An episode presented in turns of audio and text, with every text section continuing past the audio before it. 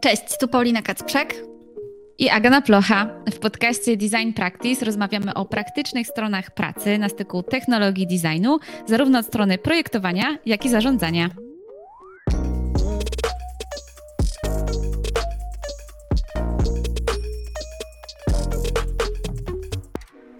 Odcinku porozmawiamy o szalonych projektach z wykorzystaniem AI, deepfake i VR-u, o innowacyjnym produkcie edukacyjnym dla jednej z topowych szkół na świecie, o czteroletniej drodze od UX designerki do członkini zarządu w firmie i o szybkim rozwoju firmy i niezatracaniu ducha zespołu i o roli strategii w procesie tworzenia produktu. Naszymi gośćmi są Adrian Hołota i Ewa Mierzwińska, którzy tworzą studio programistyczne Panowie Programiści i agencję digitalową Sparring Digital. Adrian jest prezesem, natomiast Ewa pełni rolę UX Team Liderki. Jako ciekawostkę możemy Wam zdradzić, że współdzielimy z nimi biuro. No jest nam mega miło, że dzisiaj możemy gościć ich w naszym podcaście. Notatki i linki wymienione w tym odcinku znajdziecie na naszej stronie designpractice.pl ukośnik 030. Cześć Ewa, cześć Adrian. Cześć. Cześć, dzień dobry. E, no to powiedzcie nam, e, jakie książki przeczytaliście? Niech każdy z Was osobno opowie. Czy Ewa, chcesz Ostatnio zacząć? No przeczytaliście. nie, bo ja, ja będę miała tutaj taką bardzo niepopularną odpowiedź, bo muszę powiedzieć, że ja jestem z tych ludzi, co chłoną treści, które są szybkie, czyli e, podcasty zdecydowanie w tą stronę.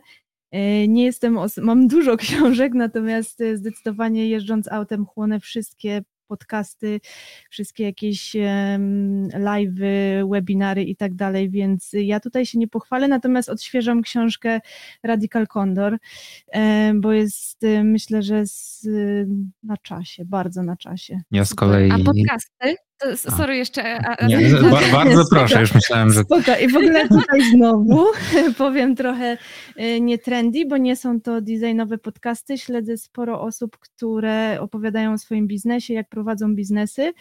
E, Zresztą z Adrianem też często wymieniamy się właśnie takimi podcastami. W Polsce dosyć dużo słuchamy Szymona Negacza, e, no i wielu innych, ale to są właśnie takie niedesignowe, tylko po prostu jak podchodzić do prowadzenia przeróżnych procesów w firmach, w projektach i tak dalej, więc sporo tego przepływa. Super. To pora na Adriana. Dobra, ja już się wy- wyrwałem trochę wcześniej, ale em, już, już mówię, jak to u mnie wygląda. E, Ja jestem z tych osób, które czytają wiele książek równolegle, e, więc e, często jest tak, że do końca jeszcze nie, nie dochodzę i już zaczynam kolejną, ale wracam często do, tej, do tych e, książek poprzednich. Ostatnio na tapecie mam dwie takie główne. E, Pierwsza to jest Why Startups Fail. I to jest o porażkach startupów i o przyczynach startupu, e, przy, przyczynach porażek startupów w kontekście właśnie takich em, problemów biznesowych, e, o których doradzamy też klientom. A drugi, e, druga książka to jest The Cold Start Problem o efektach sieciowych. E, Bardzo dobrze mi się ją czyta. O, Jestem tak. już e, pod koniec i, i naprawdę sporo fajnych historii e, o, o tym, jak powstawały też takie najbardziej znane produkty na świecie. Tak, Tak, to ja też zdecydowanie mogę polecić The Cold Start, Start Problem. Właśnie tam są takie produkty jak, jak Tinder czy Slack. Uber. E, Tak, Uber, Dropbox, tak, super, tak, tak, super tak. przykłady. A z kolei Why Startups Fail mam na półce, patrzę na nią, ona patrzy na mnie, jeszcze nie Tak. zaczęłam. No właśnie. Ja ją w ogóle swoją drogą mam tutaj naprzeciwko siebie, więc O. No proszę. To następnym razem, jak się zobaczymy, to musimy sobie zrobić taką mini dyskusję, taki book club. Dobry. Jesteśmy kompatybilni książkowo, słuchajcie. Tak, A, tak. a propos tego, tej dyskusji i, i book clubu, to może kolejny format podcastu. O, dobry pomysł. Super. Bardzo Czemu się nie? cieszymy w ogóle, że, że u nas jesteście i na pewno będziemy chciały dzisiaj podpytać Was o to, jak się prowadzi e, firmy, panowie programiści i sparring, bo właśnie w tych firmach e, pracujecie. Będziemy też chciały pogłębić temat tego, jak współpracować z klientem polskim, zagranicznym, czym jest strategiczny design, ale może zacznijmy od samego początku. Jakbyście mogli opowiedzieć trochę więcej właśnie o pana, panach programistach i sparingu i jak to w ogóle wszystko wyszło, że te dwie firmy istnieją. To zacznijmy od panów może. E, panowie powstali, w zasadzie zespół i, i, to, co robimy, już działa 10 lat. W tym roku mamy dziesięciolecie naszej działalności. Sama nazwa Panowie Programiści powstała w 2016 roku, więc tutaj 7, 7 lat już w tym roku. I jesteśmy, jak mimo że nazwa to panowie programiści, to, to, to jest to trochę przekornie, bo nie są u nas tylko panowie i nie są tylko u nas programiści. Um, jesteśmy studiem programistycznym i to się zgadza, natomiast mamy w, u, u, nas w strukturach, u nas w zespole e, zarówno e, dział UX-u, dział testerów, e, dział project managementu i tak dalej, więc to jest to nawiązanie do, do tego, że nie tylko programiści. I jako panowie programiści jesteśmy partnerami technologicznymi dla agencji reklamowych. Czyli to oznacza, że nie tylko programujemy to, co agencja nam dostarczy, to, co wymyśli, ale też inspirujemy tę agencję i pomagamy w tworzeniu jak najbardziej kreatywnych kampanii reklamowych. Mm, I często współpracujemy już na etapie briefu od ich klienta na etapie przetargowym, czyli jak oni dostają e, brief e, przetargowy, to wchodzą w konsultacje z nami, co jest w ogóle możliwe, e, jak potraktować ten brief, konsultują pomysły, które im przychodzą do, do, do, głowy, ile to będzie kosztowało, jaki to będzie czas realizacji, czy coś my jesteśmy w stanie oprócz tego zaproponować. E, ale też jesteśmy czasem na tym etapie wcześniejszym jeszcze, czyli e, robimy na przykład szkolenia inspiracyjne dla agencji, pokazujemy możliwości jeszcze zanim oni w ogóle dostaną te briefy i zanim pójdą do klienta z czymś. Więc to jest taka główna e, działalność panów. Natomiast o sparingu, no to myślę, że tutaj Ewa coś więcej może tak, opowiedzieć. Tak, tak. No tak jak Adrian mówił, panowie to jest ten partner technologiczny agencji i w sumie to jest taka nisza, która się wypracowała przez lata funkcjonowania, nie? E, ale z drugiej strony ten głód tworzenia produktów cyfrowych całościowo, on gdzieś cały czas był, nie? I mhm. to gdzieś w nas bardzo mocno rezonuje. I nie tylko takie podejście technologiczne do produktu cyfrowego, albo nie tylko designowe, albo nie tylko strategiczne, tylko po prostu wszystko, wszystko, po to, żeby wytwarzać jakieś nowe, wartościowe produkty, które e, rzeczywiście sprawdzają się na rynku. No i to jest odpowiedź sparingu na to wszystko, czyli e, produkt, spojrzenie z lotu ptaka, czy ten produkt ma sens, czy jest on na tyle wartościowy, żeby go wypuścić na rynek i tworzenie go e, zespołem, który jest y, wszechstronny po prostu. No i to jest sparring. Super, to może ja jeszcze dodam tak e, z zaplecza trochę informacji, bo my w ogóle z Adrianem znamy się już mega długo. Ja pamiętam ten 2016 rok. A ja też. jeszcze, nawet, jeszcze nawet wcześniej, dużo wcześniej. Tak, ja pamiętam 2014 chyba nasz tak. pierwszy wspólny projekt, e, który tak, razem tak. zrobiliśmy. Także mieliśmy okazję już wiele razy razem pracować. Właśnie Adrian, e, jeszcze chyba byliście wtedy we dwójkę, tak mi się wydaje, tak, z, z tak. Piotrkiem. Adrian właśnie założył panów programistów e, i e, Adrian, ty nam kodowałeś naszą pierwszą stronę e, konferencji, którą wtedy organizowałam. To się nazywało wtedy Elementarz Projektanta, później Element Talks i później jeszcze przez lata razem, razem pracowaliśmy. I właśnie później jeszcze tak. później Ewa, Ewa później dołączyła właśnie do, do zarządu, o czym zaraz jeszcze porozmawiamy, bo właśnie też super przez te lata było was obserwować i Tutaj e, fajnie by było, żebyście o tym opowiedzieli. A teraz mamy razem biuro. Tak, to, to się e, zgadza. Tak, Bardzo się cieszymy, że, że do nas dołączyłyście do, tak. E, do, do naszego biura i że tutaj wspólnie możemy robić ciekawe rzeczy. Tak, tak. tak no Akurat teraz, teraz nie jesteśmy wspólnie, bo łatwiej technicznie nam było po prostu rozdzielić e, te pomieszczenia, żeby to nagrać, e, ale studio, w którym się znajdujecie właśnie jest w naszym biurze. Pokażemy wam, e, pokażemy wam pewnie na Insta Stories trochę więcej. Tak, backstage. tak, tak. Jeszcze wracając do tej historii troszkę panów i sparingu, no to tak jak faktycznie Paulina wspomniałaś, Założyliśmy to w 2013 roku i, i, początkowo byłem ja i Piotrek. Później dołączyła do nas Małgorzata, z którą właśnie zrobiliśmy ten rebranding i Małgorzata została wspólniczką. E, no i tak się już to jako panowie e, rozwijało, ale właśnie w pewnym momencie stwierdziliśmy, że do tego sparingu chcemy wrócić, bo na samym początku nazywaliśmy się Sparring Interactive, e, teraz zmieniliśmy tę nazwę na Sparring Digital, natomiast właśnie do tego sparingu chcieliśmy wrócić z tego powodu, że po drodze było trochę tych produktów cyfrowych, które zrobiliśmy. Pojawia, pojawiało się coraz więcej, ale jednak chcieliśmy zostać z panami programistami w tej niszy, którą wypracowaliśmy, a jednak ten sparring z drugiej strony też jest bardzo um, ciekawą, czy jakby ta propozycja wartości, którą daje sparring, to jest coś, co nas nakręca też wewnętrznie. Też lubimy to robić, lubimy doradzać klientom, jak robić właśnie takie wartościowe produkty cyfrowe.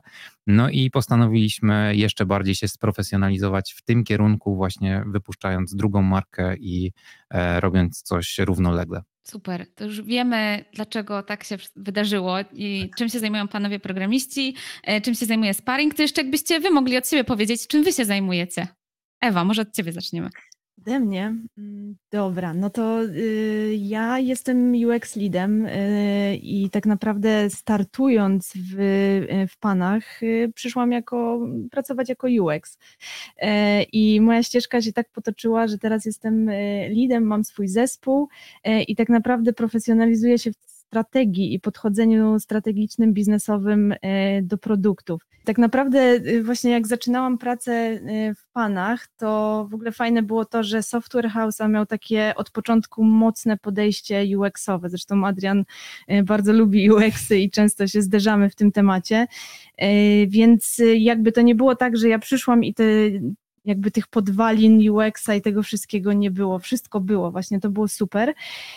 Natomiast było dużo pracy właśnie w jednym z naszych największych y, produktów i projektów e, zagranicznych, gdzie trzeba było wszystko i UX-owo, i procesowo UX-owo ułożyć. I to było super, bo weszłam tak naprawdę na dosyć duży projekt, na głęboką wodę e, i mogłam się wyspecjalizować właśnie w, tak na różnych płaszczyznach, nie? No i to wszystko mhm. mnie doprowadziło w pewnym momencie do tego strategicznego e, podejścia do produktów. I, i ja się głównie tym zajmuję na ten moment. O. A kiedy dołączyłaś do panów?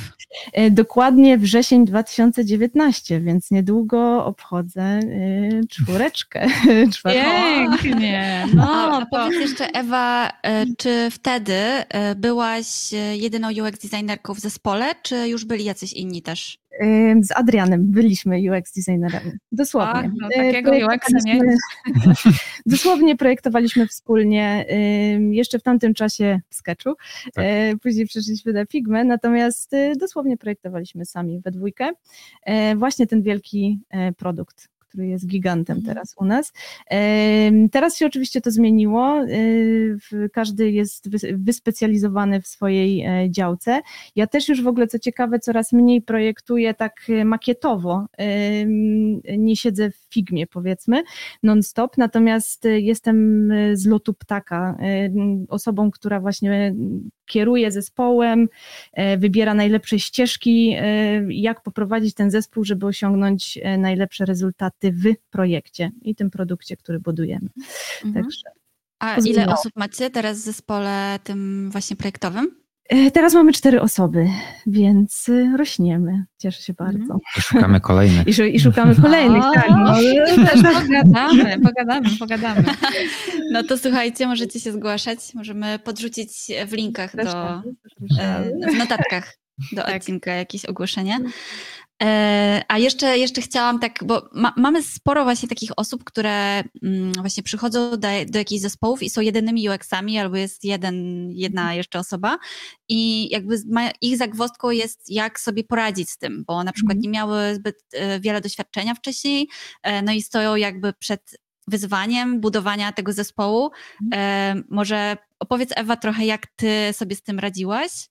Mhm. Jak wy sobie z tym radziliście? No bo e, Adrian, poza projektowaniem e, UX-a, no to jesteś programistą i w ogóle masz, miałeś też mnóstwo innych rzeczy, prawda? Więc pewnie no, lwia część tych obowiązków Ewa była na, na tobie.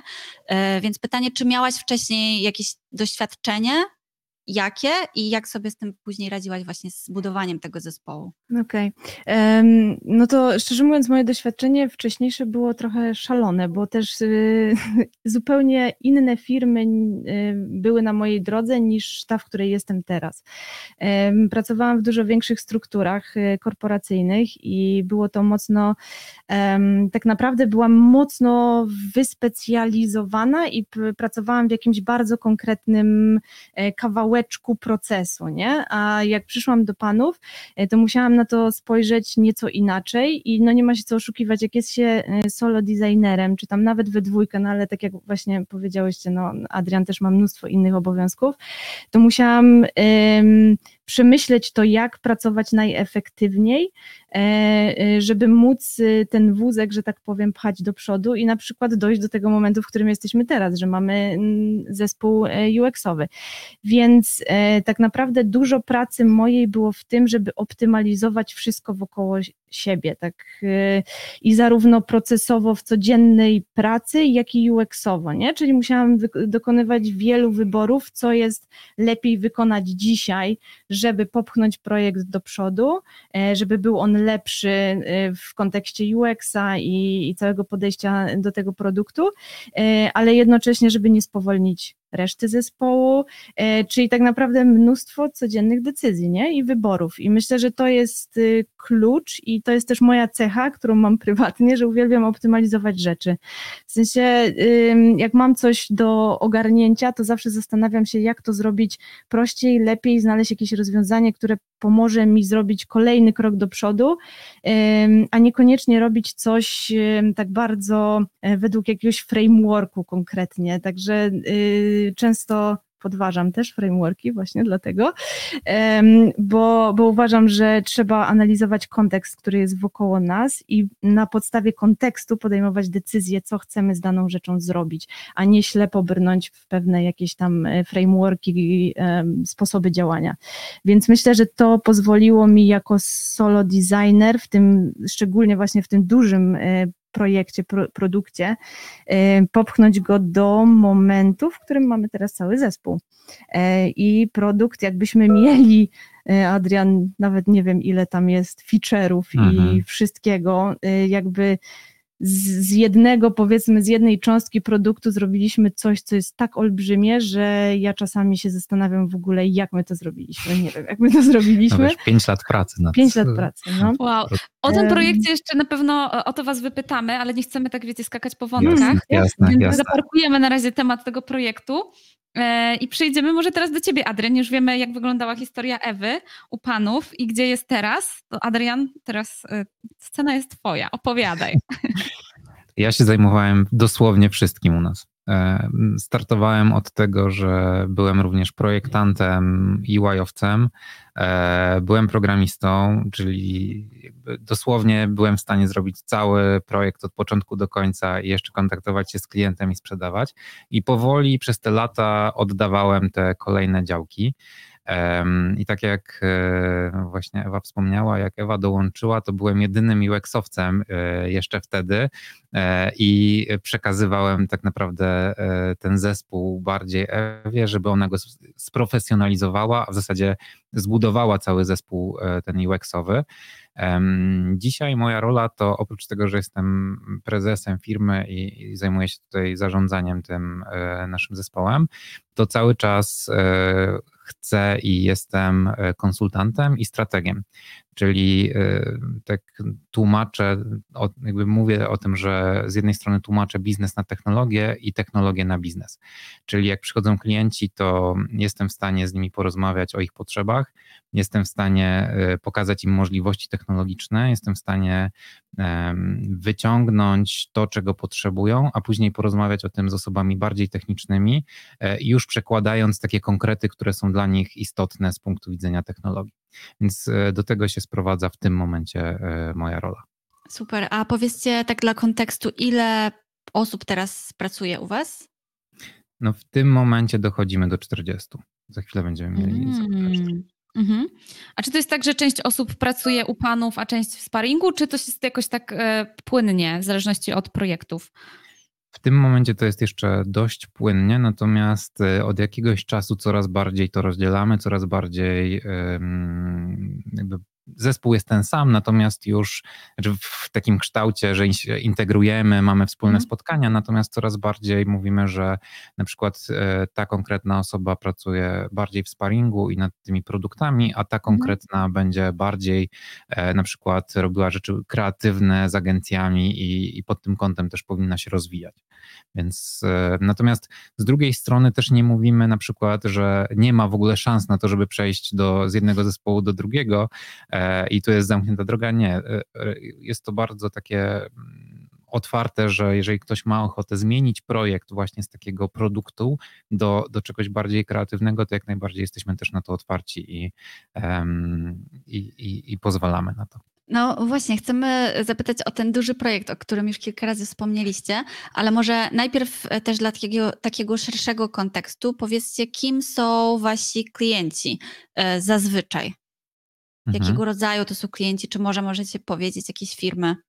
Jasne, to z jednej strony panowie przede wszystkim tutaj agencje reklamowe i to są często duże agencje takie jak e, pracowaliśmy z 180 Heartbeats, e, z Gongiem, e, z agencją Twins, z agencją Feeders, K2, Artigence, bardzo duże, bardzo dużo różnych wielkości agencji, bo nie tylko takie duże i nie tylko sieciowe, ale też takie były, ale również małe agencje, które na przykład nie mają swojego działu digitalu i, i też wspieramy takie agencje.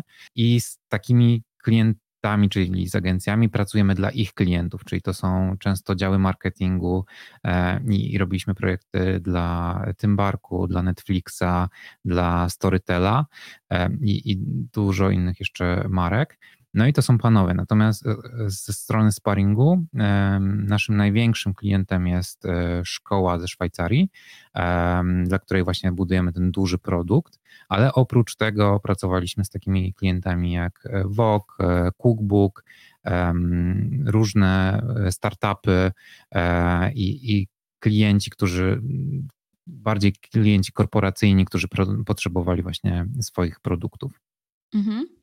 No właśnie, też skoro już się już pojawił ten mistyczny wielki produkt, szkoła szwajcarska, opowiedzcie w ogóle jak to wyszło, e, na czym polega w ogóle ten produkt? E, i jak to się stało, że udało wam się zdobyć e, takie zlecenie.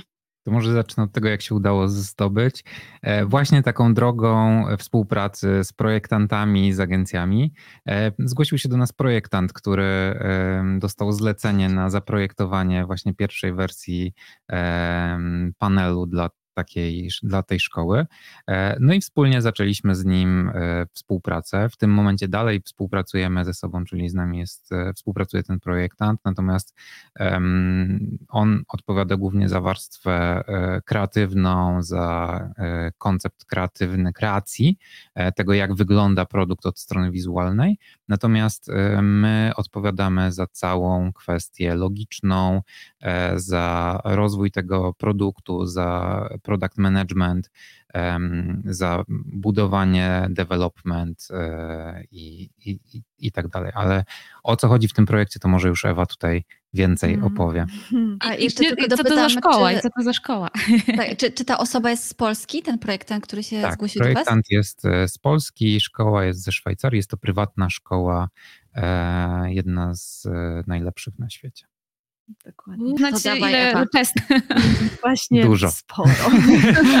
sporo. Właśnie jak czasami przeglądamy e, zgłoszenia, jakie tam mają e, i sobie myślimy, kurczę, no czas na niezłe. Nie? Tak, ale dzięki temu sobie mogą pozwolić mm. też na rewolucję w edukacji. I z jednej strony tak. budujemy dla nich produkt, który usprawnia im życie w szkole, usprawnia akademik, bo mają e, w swoich strukturach, bo to jest szkoła z internatem, więc usprawnia życie w tym e, internacie. Z drugiej strony usprawnia pracę nauczycieli z ocenami, ale z tym, żeby rozwijać też uczniów, bo to oceny są na trochę niższym powiedzmy z niższym priorytetem tak, tam traktowane, tam najważniejszy jest rozwój tych dzieci e, i to, żeby one robiły to, co chcą, żeby mm, miały indywidualny plan rozwoju, dopasowany właśnie do ich preferencji, do, do ich możliwości, do tego, co chcą robić.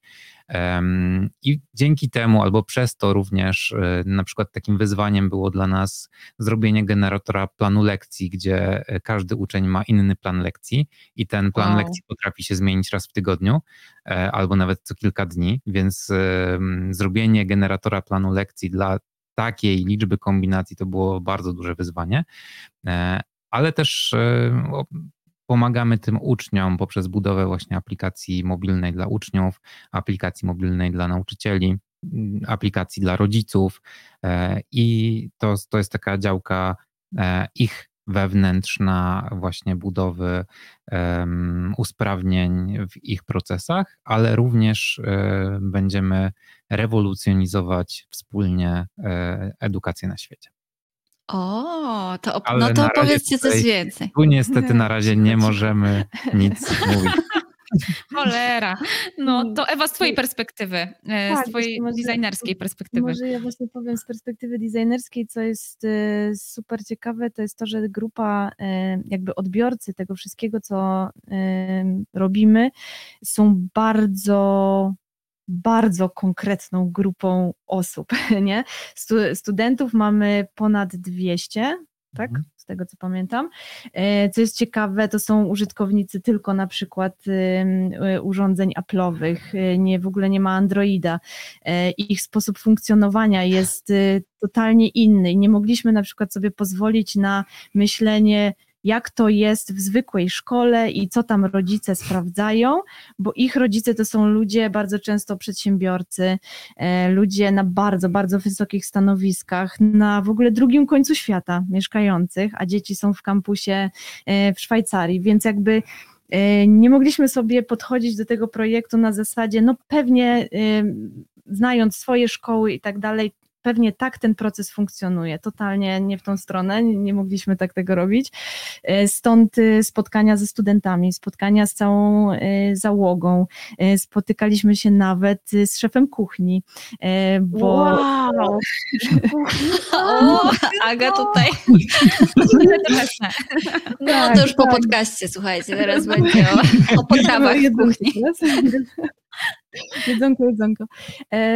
No, więc jakby musieliśmy zupełnie z innej perspektywy podejść do, do tego e, projektu. No i co? I e, bardzo dużo procesów, bardzo skomplikowanych, e, które się zazębiają, bo e, o co w tym wszystkim chodzi? Chodzi o to, żeby odpowiedzieć, no jakby szkoła ma gigantyczną odpowiedzialność. Dzieci są dla nich super ważne, nic im się nie może stać, muszą o nie dbać i tak dalej. I muszą wiedzieć, co się zadziewa pomiędzy życiem szkolnym a kampusowym. I ważne jest to, kiedy dzieci się pojawiają lub nie pojawiają na lunchu, czy tam e, w kantynie i tak dalej. I to wszystko, jakby celem początkowym e, tego produktu było to, żeby mieć wiedzę o dziecku real time. E, czyli żeby przepływ informacji pomiędzy naszymi produktami, panelami w tym, e, w, w, tej, w tym produkcie, bo to kilka w sumie tak. produktów, jak teraz się na tym łapię, to jest kilka produktów, to jakby celem było, żeby to wszystko się zadziewało real time i żeby nauczyciel wiedział od obsługi kampusu na przykład, e, że dziecko dzisiaj wstało z katarem e, i trzeba mu pomóc, podać leki i tak dalej, i tak dalej. Sprawdzić jego stan co jakiś czas, więc tam są wow. na przykład tego typu tak, e, no jakby mamy tak. w ogóle taki, mamy w mhm. ogóle taki podział na y, zdrowie dziecka, y, free time, czyli tam wyjścia weekendowe. Które mogą być nagrodą na przykład za zebrane Też. punkty, na przykład mamy coś takiego jak system lojalnościowy za zachowanie. Więc... O ja! Także jakby obszerność y, procesów, które się tam zadziewają i zazębiają jest gigantyczna. No, mhm. i, i, tak naprawdę jedna zmiana, powiedzmy, to się tak może wydawać, a musimy coś tam tylko pozmieniać e, w sekcji ze zdrowiem. No nie, sekcja ze zdrowiem wpływa na wszystko, na przykład na kuchnię. E, kucharz musi wiedzieć, że na, nie wiem, Adrian e, nabawił się w wieku, nie wiem, tam 30 lat. Y, alergii na coś. E, I trzeba teraz inaczej y, gotować dla tego młodzieńca. No i to wszystko musi się zawierać w tym systemie. No i to są takie mm, pierwsze z brzegu przykłady, nie? Ale tego jest mnóstwo. E, No już nie mówiąc o tym, że to wszystko musimy przetłumaczyć em, deweloperom, e, testerom, e, żeby to, żeby każdy miał też świadomość właśnie tej domeny, nie? Tego, jak ci ludzie funkcjonują, jak ta szkoła funkcjonuje jako całość. E, Więc tak, bardzo dużo procesów. Tak, ale też Procesów, e, ciekawa rzecz, która mi teraz e, się przypomniała, to jest to, że tam są dzieci z różnych krajów i to dosłownie z Mm. takich bardzo egzotycznych czasem e, i na przykład mają zupełnie inny kalendarz e, ustawiony w Tak, telefonie. Tak, E, tak. Co też powoduje pewne e, kwestie, które są związane z tym, jak mamy przedstawiać plan lekcji, albo e, jak wyłapujemy czasem jakiś, do, dowiadujemy się o jakimś błędzie w cudzysłowie, to później się okazuje, że właśnie dlatego, że nie przewidzieliśmy jakiegoś tego typu ekstremalnego przypadku, że ktoś może mieć język, taki dialekt jakiś, który no, zupełnie nie jest e, obsługiwany przez, e, przez większość aplikacji. Mm. Więc to są naprawdę takie ciekawe rzeczy. A teraz jeszcze pokazując Wam skalę tego projektu e, czy tego produktu, to po naszej stronie zaangażowanych jest w to trzech project managerów. Więc e, Wow. to jest e, naprawdę kilka rzeczy równolegle, które my Mhm. cały czas rozwijamy, a kolejne cały czas będą dochodziły też równolegle e, i, i tego typu podprojekty, my to możemy nazwać, ale de facto to są podprodukty. Mhm. Mhm. I z tego, co Wow. pamiętam, to już od kilku lat, tak? Pracujecie przy tym.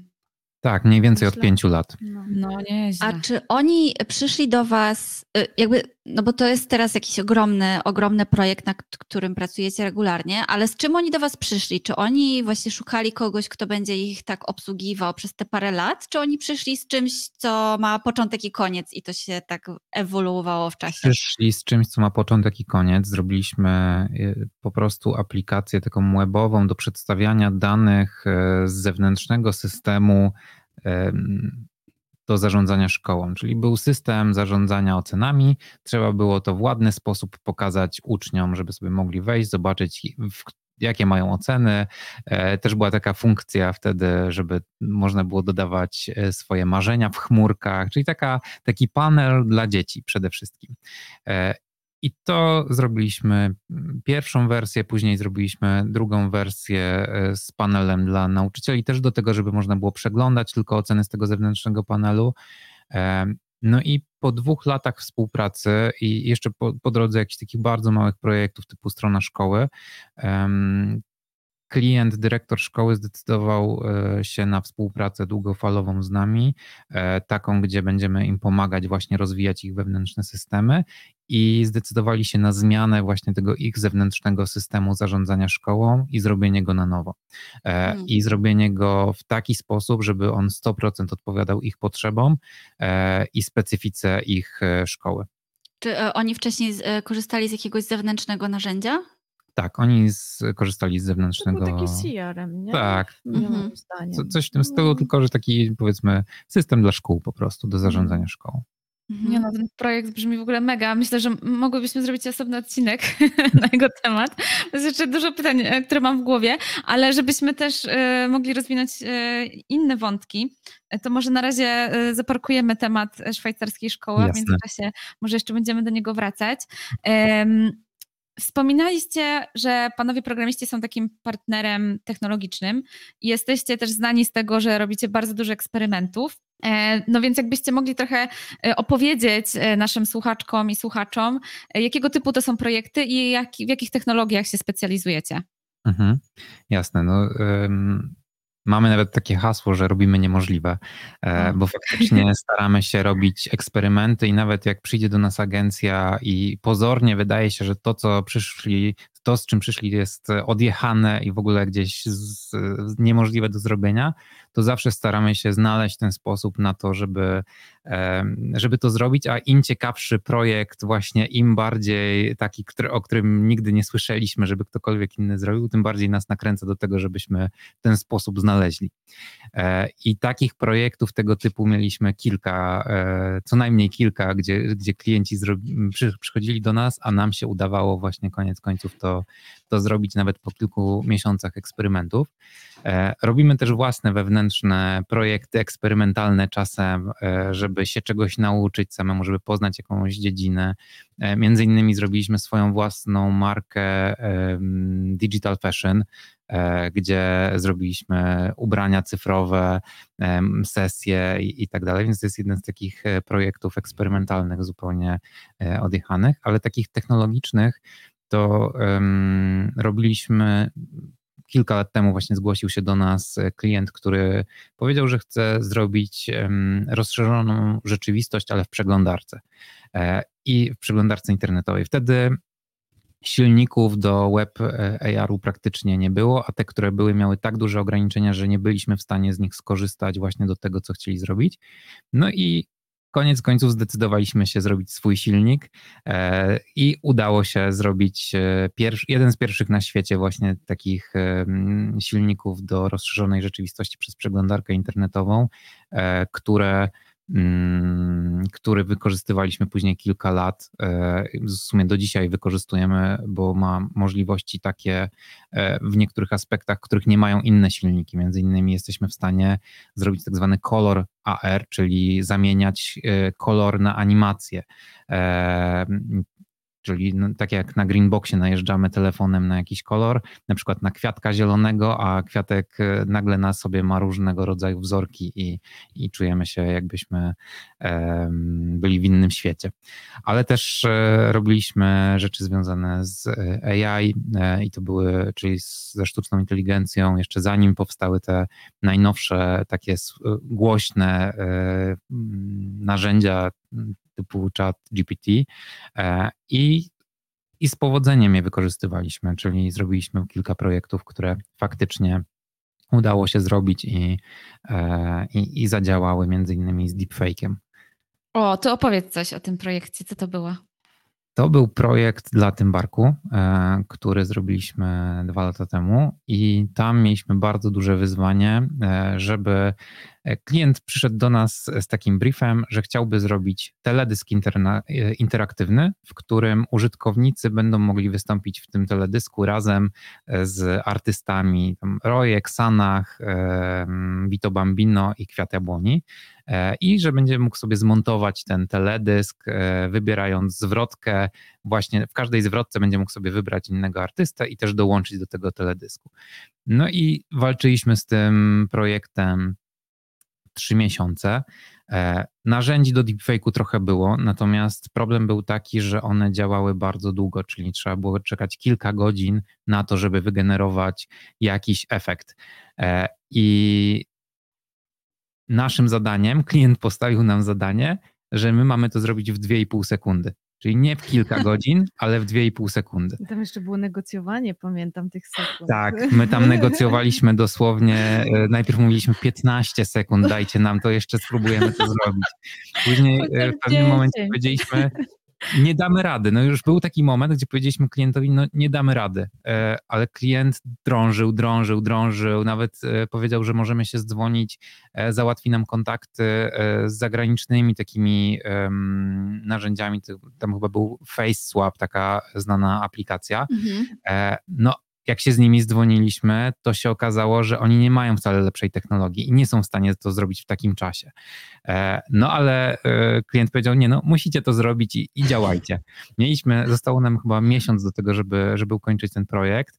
No i zrobiliśmy wszystko, żeby to zrobić i faktycznie e, dowieźliśmy ten projekt, udało wow. się w te 2,5 sekundy mhm. wygenerować tego deepfake'a. E, wprawdzie troszkę musieliśmy zejść z innych parametrów, czyli na przykład e, twarz, czyli ten użytkownik pojawiał się maksymalnie 5 sekund w danej zwrotce, ale było to tak zmontowane razem z właśnie ze studiem produkcyjnym, z reżyserem teledysku, bo też byliśmy na całym etapie realizacji teledysku zaangażowani, że koniec końców e, wszystkie jakieś takie zabiegi UX-owe, zabiegi e, reżyserskie i nasze zabiegi technologiczne pozwoliły nam na zrobienie właśnie tego projektu, że się udało.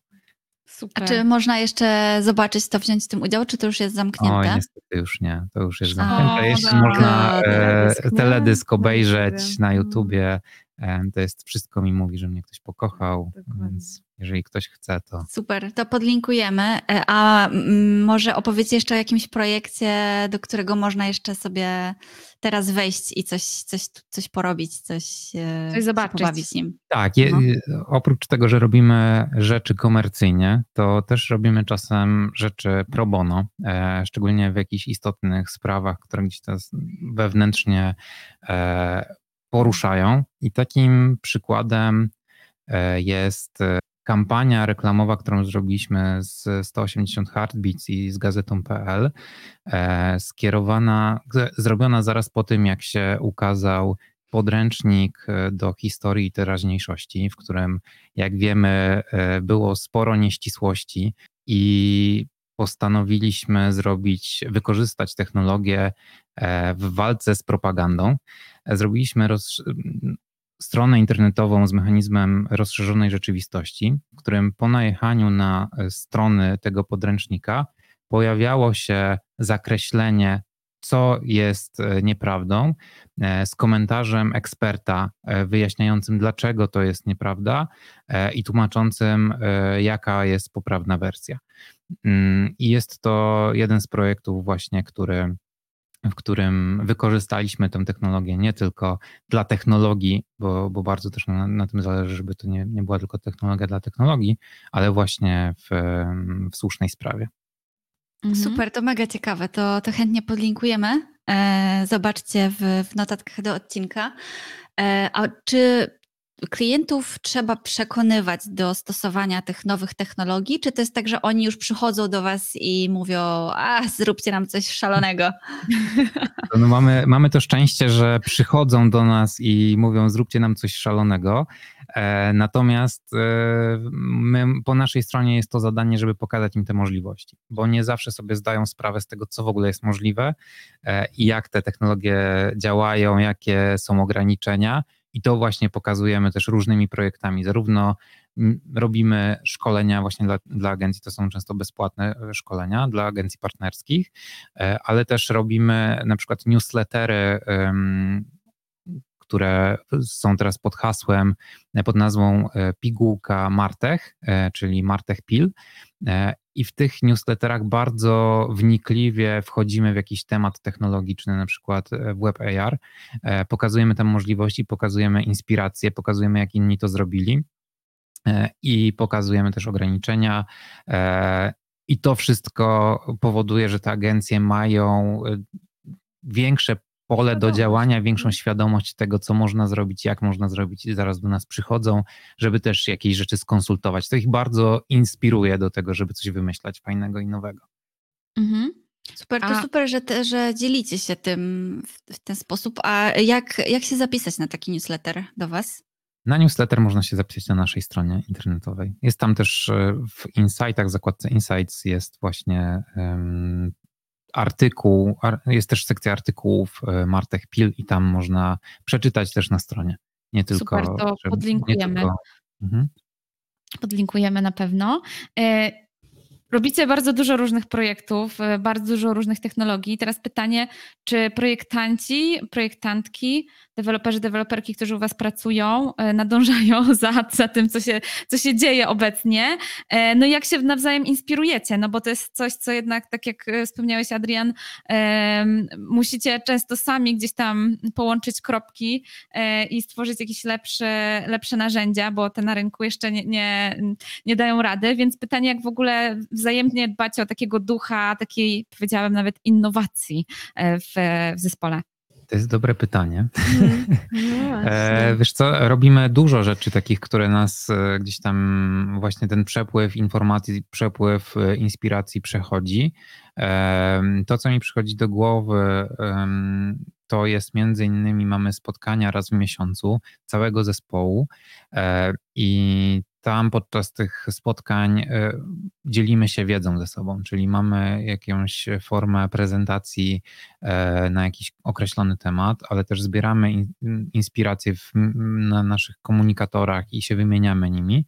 Ale też mamy e, takie działania wewnętrzne oparte o cele miesięczne, o, o cele, przepraszam, cele kwartalne, e, formę OKR-ów, ale myślę, że tutaj Ewa coś więcej na ten temat e, może powiedzieć, bo wie, jak to wygląda z perspektywy też mhm. zespołu wewnątrz i sprowadzenia zespołu. No i w ogóle wdrażania tego, tak. nie? bo też e, właśnie jak ja dołączyłam, to zaczęliśmy to wszystko y, trawić, a później wdrażać. Mhm. Natomiast jeszcze a propos tego y, czerpania inspiracji, no my też się dosyć sporo szkolimy, nie? Jednak jakby nie patrzeć zarówno na polskim rynku wyszukujemy rzeczy, z których możemy się podszkolić, ale też zagranicznym mhm. i jakby nie trzymamy tego dla siebie, tylko tej wiedzy, nie? tylko po prostu e, od razu wpuszczamy wewnątrz, żeby na przykład, nie wiem, dział PM-owy wiedział, co się, co w trawie piszczy w, w UX-owym świecie i na odwrót i także jakby nie mm, trzymamy się tylko swoich zespołów i wiedzy w obrębie danego zespołu, tylko po prostu wymieniamy się tym. To jedno. Ja myślę, że my mamy bardzo taką roz, mocną kulturę poszukiwania tej wiedzy no, i dokładnie. u nas to jest, dlatego mi mhm. było ciężko też powiedzieć na początku, jak my to robimy, bo u nas to jest naturalne. My nie mamy jakichś mm. mechanizmów, mm. procesów do tego stworzonych, tylko my po prostu o tym rozmawiamy bardzo mocno na co dzień e, i, i się no i tym w dzielimy. W prywatnym życiu po prostu chyba y, nie mamy czegoś takiego, że odcinamy się od pracy y, po pracy e, i też nie pracujemy po mhm. pracy, tylko po prostu się tym wszystkim interesujemy, nie? No, tak jak właśnie mhm. mówiłam, ja na przykład y, pochłaniam y, podcasty jeżdżąc autem i one są w tematyce wciąż biznesowej e, i mhm. mnie to po prostu zwyczajnie kręci. E, ale właśnie a propos jeszcze tych wprowadzania jakichś tam powiedzmy procesów i tych OKR-ów, to jest w ogóle ciekawe, no bo OKR-y są, one się dużo bardziej sprawdzają w firmach produktowych, nie? Bo to też i z Google'a wyszło i tak dalej. Dlatego tak ciężko nam nazywać to OKR-y, bo Właśnie. wiemy, że to nie są OKR-y takie. Jest, może jeszcze takie z lotu ptaka, tak. czym jest OKR dla osób, które jeszcze nigdy nie słyszały tego mhm, skrótu? To jest skrót od y, Objective Key Results i tak naprawdę są to cele, których sobie firma wyznacza na poziomie najwyższym i zespołowym, żeby zrobić swoje działania mierzalne i żeby jakby firma cały czas się mm, toczyła do przodu według jakichś wskaźników, żeby to wszystko miało jak, jakiś taki proces y, funkcjonowania i zdobywania y, kolejnych y, umiejętności jako firma ogólnie. Często się mówi o KPI-ach, czyli wskaźnikach mierzalności w tym kontekście, natomiast z naszej perspektywy to nie było najważniejsze, startując z tym. E, i też zauważyliśmy, że nie jesteśmy w stanie przełożyć jeden do jednego e, właśnie tego frameworka znowu do trybu agencyjnego, bo jest to no po prostu trudne i troszeczkę się z tym biliśmy, e, ale zaczęliśmy to modyfikować pod siebie. No i do tego jakby doszliśmy po jakimś tam czasie, e, do tego, że działamy e, w ten sposób, że co kwartał sobie nakreślamy cele firmowe, które chcemy osiągnąć w kwartale, w kontekście też oczywiście roku. To nie jest tak wyjęte z, z, zupełnie z naszych planów rocznych. No i te cele Mm, później są e, przekazywane przez liderów e, zespołów do e, każdego członka zespołu i każdy kontrybuuje, że tak powiem, w zdobyciu, w osiągnięciu tych celów. I zrobiliśmy sobie tak, że co piątek mamy 4 godziny czasu pracy tylko w tym temacie, nie projektowym, tylko właśnie OKR-owym, nazwijmy to. I to się fokusuje wokół rozwoju, właśnie eksperymentów, poszerzania wiedzy, podzielenia się też wiedzą, e, zdobycia innych źródeł wiedzy i to sobie staram, staramy się też e, na przykład polepszać e, jakość swojej pracy, czyli co zrobić, żeby te UX-y były jeszcze lepsze niż do tej pory były, albo co możemy zrobić, żeby klient dużo lepiej rozumiał nasz proces projektowy. Także obszary są przeróżne, ale generalnie bym powiedziała, że to się fokusuje wokół tego, żeby Y, rozwijać wszelakie umiejętności. No i nazywamy to tak roboczo OKR-ami. Wiemy, że to nie są OKR-y takie jak w firmach produktowych, natomiast to pomaga nam jakby um, rozwijać się cały czas. Nie? W tym naszym procesie dość ważne są dwie rzeczy. Pierwsza rzecz jest, którą, na którą stawiamy duży nacisk, to jest samodzielność zespołów i oddolność inicjatywy. Czyli po pierwsze, to zespół decyduje, w jakim kierunku e, będzie się rozwijał, czyli jaki kierunek w tym, na ten konkretny kwartał chciałby rozwinąć e, wiedzowo. E, a z drugiej strony każdy w zespole ma jeszcze możliwość własnej inicjatywy, żeby do tego kontrybuować. Czyli każdy może sobie wymyślić, że na przykład chce zrobić jakiś konkretny projekt e, właśnie w tej technologii, którą sobie uznaliśmy, że chcemy rozwinąć. Albo właśnie na, na podstawie tego później e, próbujemy, tego co wypracuje zespół, próbujemy później stworzyć jakiś zespół, próbujemy stworzyć jakiś projekt, który będzie e, pomiędzy zespołami. Na przykład pod koniec tamtego roku jedna z osób, czy kilka z osób chciało zrobić bardzo projekt e, związany z trójwymiarem, czyli z e, technologią WebGL, z technologią 3D w przeglądarce. I dlatego połączyliśmy to z naszymi celami marketingowymi gdzie chcieliśmy zrobić e, trendbook, e, który będzie zawierał właśnie trendy marketingowe na kolejny rok technologiczne. I zrobiliśmy właśnie, łącząc te OKR-y i tę potrzebę zrobienia strony 3D z tymi celami marketingowymi, i zrobiliśmy właśnie taką stronę 3D trendbookową, czyli to się gdzieś tam wszystko łączy ze sobą. Ten trendbook jest do pobrania, prawda? I można sobie zajrzeć na tę stronkę.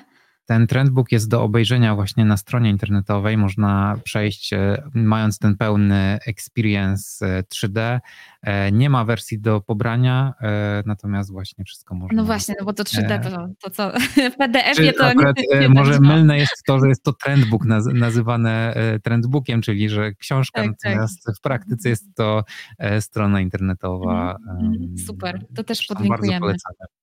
Tak, tak, fajnie, fajnie to Czyli wygląda. I rozumiem, że to są cele kwartalne, tak? Tak, to są cele kwartalne, przy czym u nas e, przyjmujemy takie założenie, że mamy trzy kwartały w roku, e, mm. czyli e, pomiędzy każdym kwartałem dajemy sobie miesiąc na przemyślenie, co robić w kolejnym. I co nam wyszło w poprzednim, tak. nie? Bo, mhm. bo też różnie bywa, przewartościowują się czasami rzeczy.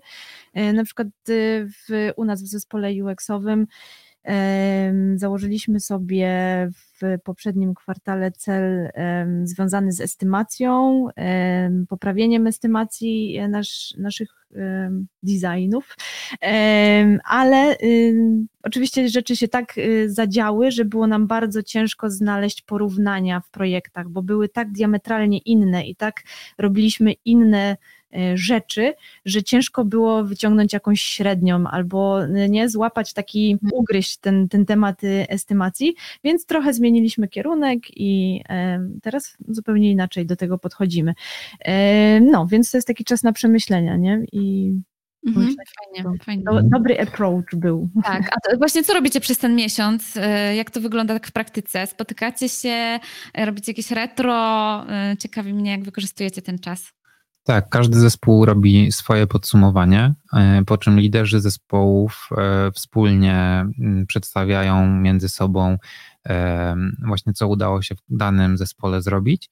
No i ustalamy to, co będzie robione e, w kolejnym kwartale, przy czym to ustalenie kolejnego kwartału jest dość proste zazwyczaj na, na poziomie takim team liderskim, no bo to się wpisuje bardzo mocno w to, co zaplanowaliśmy sobie na początku roku z weryfikacją lekką tego, co, co mhm. się zadziało albo co się nie zadziało, albo czego nie, jednak nie chcemy robić.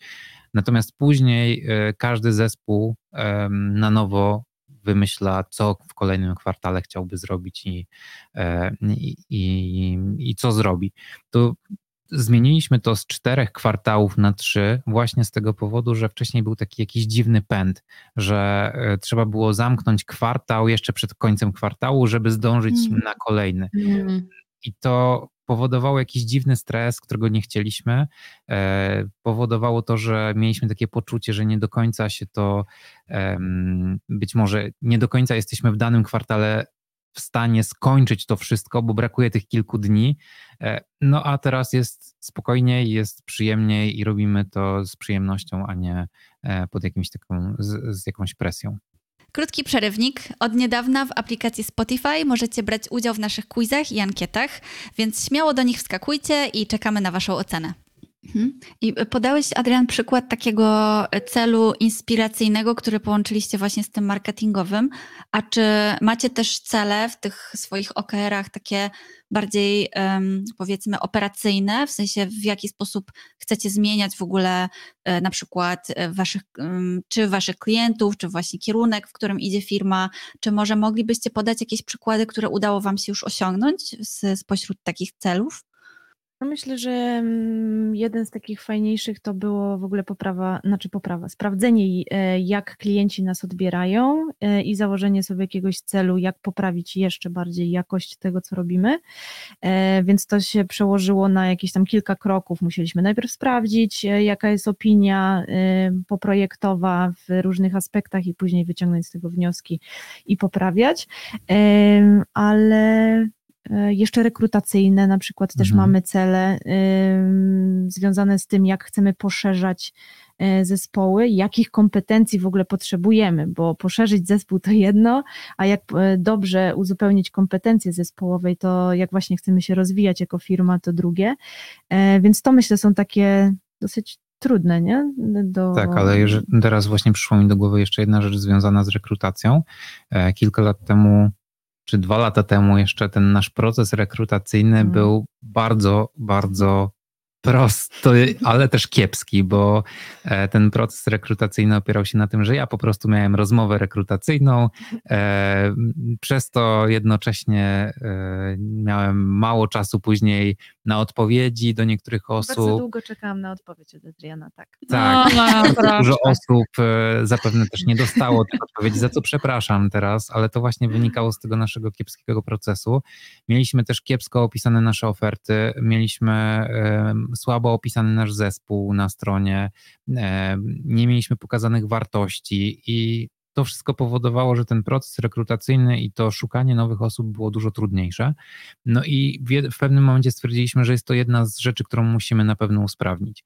E, I zrobiliśmy to właśnie w ramach OKR-u. I tutaj też jedna z takich rzeczy, które poprawiają te OKR, jakby zaleta tych OKR-ów, to jest to, że e, się współdziała, czyli mamy jeden cel i wszyscy próbujemy ten jeden cel um, jakoś poprawić. I mimo, że to był proces rekrutacyjny, więc nie do końca dotyczył technologii czy jakichś rzeczy związanych z um, eksperymentami i tak dalej, ale to jednak była ważna rzecz dla naszego zespołu też. I dlatego postanowiliśmy sobie taki priorytet wtedy nadać i zaczęliśmy to robić. W tym momencie mamy super, moim zdaniem, e, proces rekrutacyjny. Nadal jest do, dość prosty, ale jest ułożony, e, jest zdelegowana odpowiedzialność, nie ma stresu, nie ma stresu i, mhm. i, dużo lepiej nam to idzie. Mhm. Super, Adrian, że właśnie wspominałeś o tym, jak e, ewoluował u Was ten proces, bo e, też bardzo chciałyśmy o to zahaczyć, e, bo właśnie ja obserwując, znając Ciebie już tyle lat, obserwowałam w jaki sposób w ogóle Ty osobiście pracujesz i zawsze widziałam, że pracujesz bardzo, bardzo dużo. I, mhm. no i widzę, że to w ostatnich paru latach też się zmieniło, że zacząłeś mieć czas na prywatne życie, więc Więc e, jak to zrobiłeś? W ogóle e, opowiedzcie o tym procesie, no bo właśnie Ewa dołączyła do zarządu. E, po, po, powiedzcie, skąd te zmiany wynikały, jak to było wcześniej i jak jest teraz.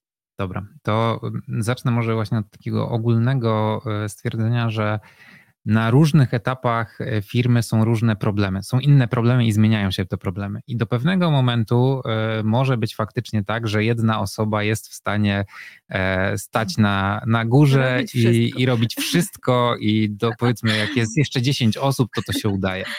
Ale im więcej osób, tym te problemy są de facto większe, e, a czasu coraz mniej i jedna osoba nie jest w stanie wszystkiego zrobić.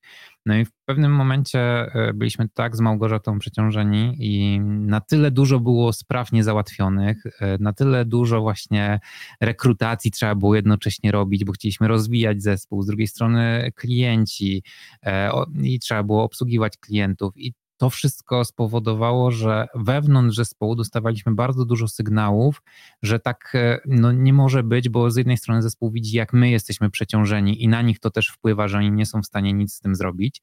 E, z drugiej strony, no sami też już nie dawaliśmy rady e, były też narzekania, że pewne rzeczy się nie zadziewają, że, że jakby nie jesteśmy, nie dowozimy pewnych rzeczy. No i to powodowało, że stwierdziliśmy, że musimy coś zrobić. Mieliśmy e, kilkoro zaufanych osób, które de facto już pracowały z nami e, bez e, formalnych stanowisk, ale na takim właśnie poziomie liderskim, na takim poziomie współdziałania z nami w rozwoju firmy i zauważyliśmy, że tym osobom bardzo zależy na tym rozwoju, tak jak nam i tym, żeby firma szła do przodu. No i postanowiliśmy z jednej strony zbudować strukturę e, firmy, czyli zacząć myśleć o strukturze, e, zacząć myśleć o e, liderach. Wcześniej nie było team liderów, nie było w ogóle podziału na, zespołu, na zespoły. Byliśmy jednym wielkim zespołem z bardzo płaską strukturą, no i zaczęliśmy te zespoły budować. Między innymi właśnie e, Ewa, ale też jeszcze dwie osoby dołączyły do zarządu. Plus wyłoniliśmy dwóch e, team liderów poza zarządem, e, które z nami zaczęły tę firmę rozbudowywać. Tak naprawdę cały poprzedni rok budowaliśmy strukturę, przygotowując się na dalszy rozwój i skalowanie, które teraz robimy, czyli na tę kolejną rekrutację i przyjmowanie kolejnych osób. Ewa, czy ty tu już coś chciałabyś dodać do tego? No nie, no ja tylko jak dołączyłam, to cały czas mówiłam, że musicie jechać na wakacje. No to prawda. O, i pojechali? E, pojechali w ogóle, to jest, to jest też taka ciekawostka, możemy opowiedzieć e, anegdotkę. Jak ja dołączyłam, to właśnie weszłam do tego dużego projektu, e, który był no, bardzo stresujący, bo mhm. bardzo było to wszystko ważne, to co się w tamtym momencie zadziewało. No ale właśnie... To jeszcze jedna tutaj ciekawostka, dygresja do dygresji. Szybko się zadziewało, bo klient postanowił na miesiąc przed nowym rokiem szkolnym, że na nowy rok szkolny chce mieć ten nowy produkt. Czyli my na, bud- mm. na, zbudowanie pierwszej wersji tego produktu mieliśmy miesiąc, dosłownie. Czyli to nie tylko w Polsce wow. tacy klienci uciążliwi, jak się okazuje. W Szwajcarii znaczy, to też. To nie jest kwestia uciążliwości, ale ambicji. Klient jest super. Tak, klient jest naprawdę super. A niby tacy zorganizowani, jak w zegarku. A, wszyscy po jednych pieniądzach, no. No, ale w każdym razie yy, tak, no jak ja dołączyłam, to cały czas mówiłam o tym, musicie jechać na wakacje, musicie jechać na wakacje, no i w końcu postanowiłam postanowili pojechać na te wakacje w najgorszym momencie ever. Nie, no to już było po rozpoczęciu roku szkolnego, no więc dobrze, stwierdziliśmy, ale... że skoro deadline jest na rozpoczęcie roku szkolnego, to dwa tygodnie po rozpoczęciu można pojechać, tylko że no, nikt nie przewidział tego, że to będzie tak gorący okres i mm. tak mhm. naprawdę podłoży, podrzuciliśmy gorącego ziemniaka Ewie. Nie, no ale też o... zrobiliśmy to, y, to świadomie, nie? Bo jakby moim zdaniem y, no najlepiej się człowiek uczy na głębokiej wodzie rzeczy, mm. Plus y, to jest też taki moment, w którym ktoś, kto ma tyle odpowiedzialności na sobie, właściciele y, firmy w końcu muszą oddać tą odpowiedzialność i myślę, że to też było, to było najbardziej przełomowe, nie te wakacje, tylko właśnie oddanie tego komuś innemu i zaufanie, że rzeczywiście zarządzi najważniejszym projektem um, tak jak trzeba. No i co? I fajnie było. Jakby ja naprawdę dobrze, nie no poważnie, ja naprawdę dobrze wspominam ten czas. Znaczy, on oczywiście był stresujący, bo i, i pracowaliśmy, nie ukrywam, i o pierwszej w nocy, i o drugiej w nocy. Natomiast co jest super, to yy, zespół w takim momencie, nie? Jeśli yy, reszta jest na tyle ok, że nawet jeśli ja jako dość nowa osoba zadałam pytanie, które być może było, no nie że głupie, ale no mogłabym już to wiedzieć, ale nie wiedziałam w tamtym momencie, to spokojnie odpowiadali na moje pytania i udało się to y, doprowadzić i naprawdę super był ten czas. Ale z perspektywy mhm. czasu to mm, dosłownie był to super czas, ponieważ dzięki temu, że Ewa weszła, a ja się odciąłem, e, to, bo przez ten pierwszy miesiąc, czyli ten miesiąc budowania, to, to budowanie było w bardzo mocnym chaosie. Musieliśmy zrobić wszystko na, na szybko. Klient do nas pisał na WhatsAppie, czyli nie było żadnego systemu komunikacji takiego ustrukturyzowanego. A jak chcieliśmy to wprowadzać, to, e, to i tak się od tego gdzieś tam odcinał i, i, i dalej pisał do, do mnie na WhatsAppie, bo już był do tego przyzwyczajony. A jak Ewa przejęła z dnia na dzień, to powiedziała: Stop, ja nie będę podawała swojego WhatsAppa, nie będziecie do mnie pisać na WhatsAppie, tylko wchodzimy na Trello. I zaczęła strukturyzować tę pracę wtedy na Trello. Do dzisiaj klient to zresztą wspomina. Tak, wypomina e, mi tak. to, że, że kazałam e, bo ja Pani wtedy, Trello. Tak, kazałam im przyjść na Trello y, i, i wspomina, że y, ja pewnie coś takiego napisałam, że y, czego nie ma na Trello, to nie istnieje. I do dzisiaj mi wypomina to zdanie. Natomiast naprawdę to strasznie pomogło, nie? No i mhm. Adrian też ma wolną głowę, nie ma klienta na WhatsAppie. Mhm. No, Także... Super. A jak e, Ewa się zmieniały twoje obowiązki, bo to jest bardzo ciekawe, no jednak jesteś w zarządzie, to, to już poważna rola i e, wszystko się zadziało w ciągu czterech lat, więc jak teraz porównujesz też swój taki rozwój, e, wiesz, mhm. co, co ciebie gdzieś teraz najbardziej intryguje i, i jak w ogóle się czujesz w takiej pozycji? Znaczy, no ja myślę, że to właśnie do tego wszystkiego doszło przez to, że kiedyś jeden z moich menadżerów mi tak powiedział, że jeśli chcę być menadżerem na wyższym stanowisku, to muszę się zachowywać jak menadżer, zanim dostanę taki tytuł. Y, I myślę, że to było to, że ja po prostu się kompletnie nie bałam podejmować e, decyzji i robiłam rzeczy. I nie potrzebowałam jakby tego podpisu w stopce, że Ewa menadżerka czy tam jakiś lider, e, tylko po prostu robiłam te rzeczy. E, co jest też, myślę, typ, takie moją cechą charakterystyczną, że mnie dość szybko irytują detale. Zresztą też prowadziłam wykład o makietowaniu i strategii i dlaczego mnie makietowanie tak nie wciągnęło, a cała strategia jak najbardziej mnie wciąga, bo z lotu ptaka rzeczy mnie dużo bardziej kręcą, czyli to patrzenie w, w przyszłość, co możemy zrobić, żeby dojść do jakiegoś tam punktu, a nie te detale. I E, też uznałam, że jeśli mnie irytują detale i nie jestem w tym zwyczajnie dobra, to po prostu muszę oddać to, nie? A nie tra mhm. traktować tego jako e, moją słabość, czy jeszcze sobie wyrzuty sumienia z tego powodu robić. Po prostu wyżywam się w tej kwestii, która mnie dużo bardziej interesuje, czyli strategia, patrzenie na produkty, produkty biznesowo, e, tak holistycznie, łącznie z marketingiem. Ostatnio mieliśmy nawet produkt, w którym bardzo mocno marketingowo patrzyliśmy Mhm. patrzyliśmy na wszystko. E, więc po prostu zdecydowałam, że będę oddawać te rzeczy, które nie wychodzą mi najlepiej, a będę się profesjonalizować w tym, co mi e, bardzo dobrze wychodzi i z taką łatwością i przyjemnością. No i co? No i, i tak naprawdę przez te lata moje odpowiedzialności tak się zmieniały, że coraz mniej robiłam e, rzeczy czysto takich detalicznych, małych, a coraz więcej robiłam rzeczy, które popychają nas jako firmę z perspektywy UX-owej do przodu i dzięki temu mogłam później właśnie zatrudnić sobie kogoś e, do pomocy i robić jeszcze więcej, jeszcze więcej, jeszcze więcej, nie? Więc myślę, że to jest jakby ta cecha, że ja nigdy jakby się nie bałam podejmować e, decyzji. I nikt mnie nie musiał prosić o podejmowanie decyzji, o może tak, nie? Tylko jakoś bardzo naturalnie to wychodziło. I tak to um, się rozwinęło, że, że jestem w zarządzie teraz. To jest fajne. Co mnie też kręci właśnie z perspektywy rozwoju firmy po prostu, jako mhm. sparingu, mhm. jako panów, y, to mi się podoba. Co możemy my oferować, żeby klientom jeszcze większą wartość dostarczyć, nie? A e, czy możecie powiedzieć, jak sobie zorganizowaliście w ogóle pracę w tym zarządzie? To znaczy, mm, czy jakoś Twoje obowiązki, na przykład Ewa, się zmieniły mm, od, od czasu, kiedy weszłaś do zarządu i czym zajmuje się w ogóle ten zarząd, ten zarząd? To Adrian powie ogólnie zaraz pewnie mhm. o, o, zarządzie. Moje obowiązki się zmieniły tak, że y, 50% czasu idzie na zarządzanie zespołem i e, rzeczami menedżerskimi. Tego jest sporo, bo to są i rekrutacje, to jest dbanie właśnie o e, work-life balance pracowników, którzy czasami zapominają o tym, żeby dbać o ten czas e, po pracy, albo no jakby różne, różne kwestie, mają jakieś problemy rodzinne i też trzeba ich wspierać w tym wszystkim. Także to zaczyna być praca dużo bardziej z ludźmi, z tym, co się mm, zadziewa w zespole, a nie tylko taka stricte projektowa. Więc ja bym mhm. powiedziała, że to jest teraz takie 50-50 e, projektowo i menadżersko.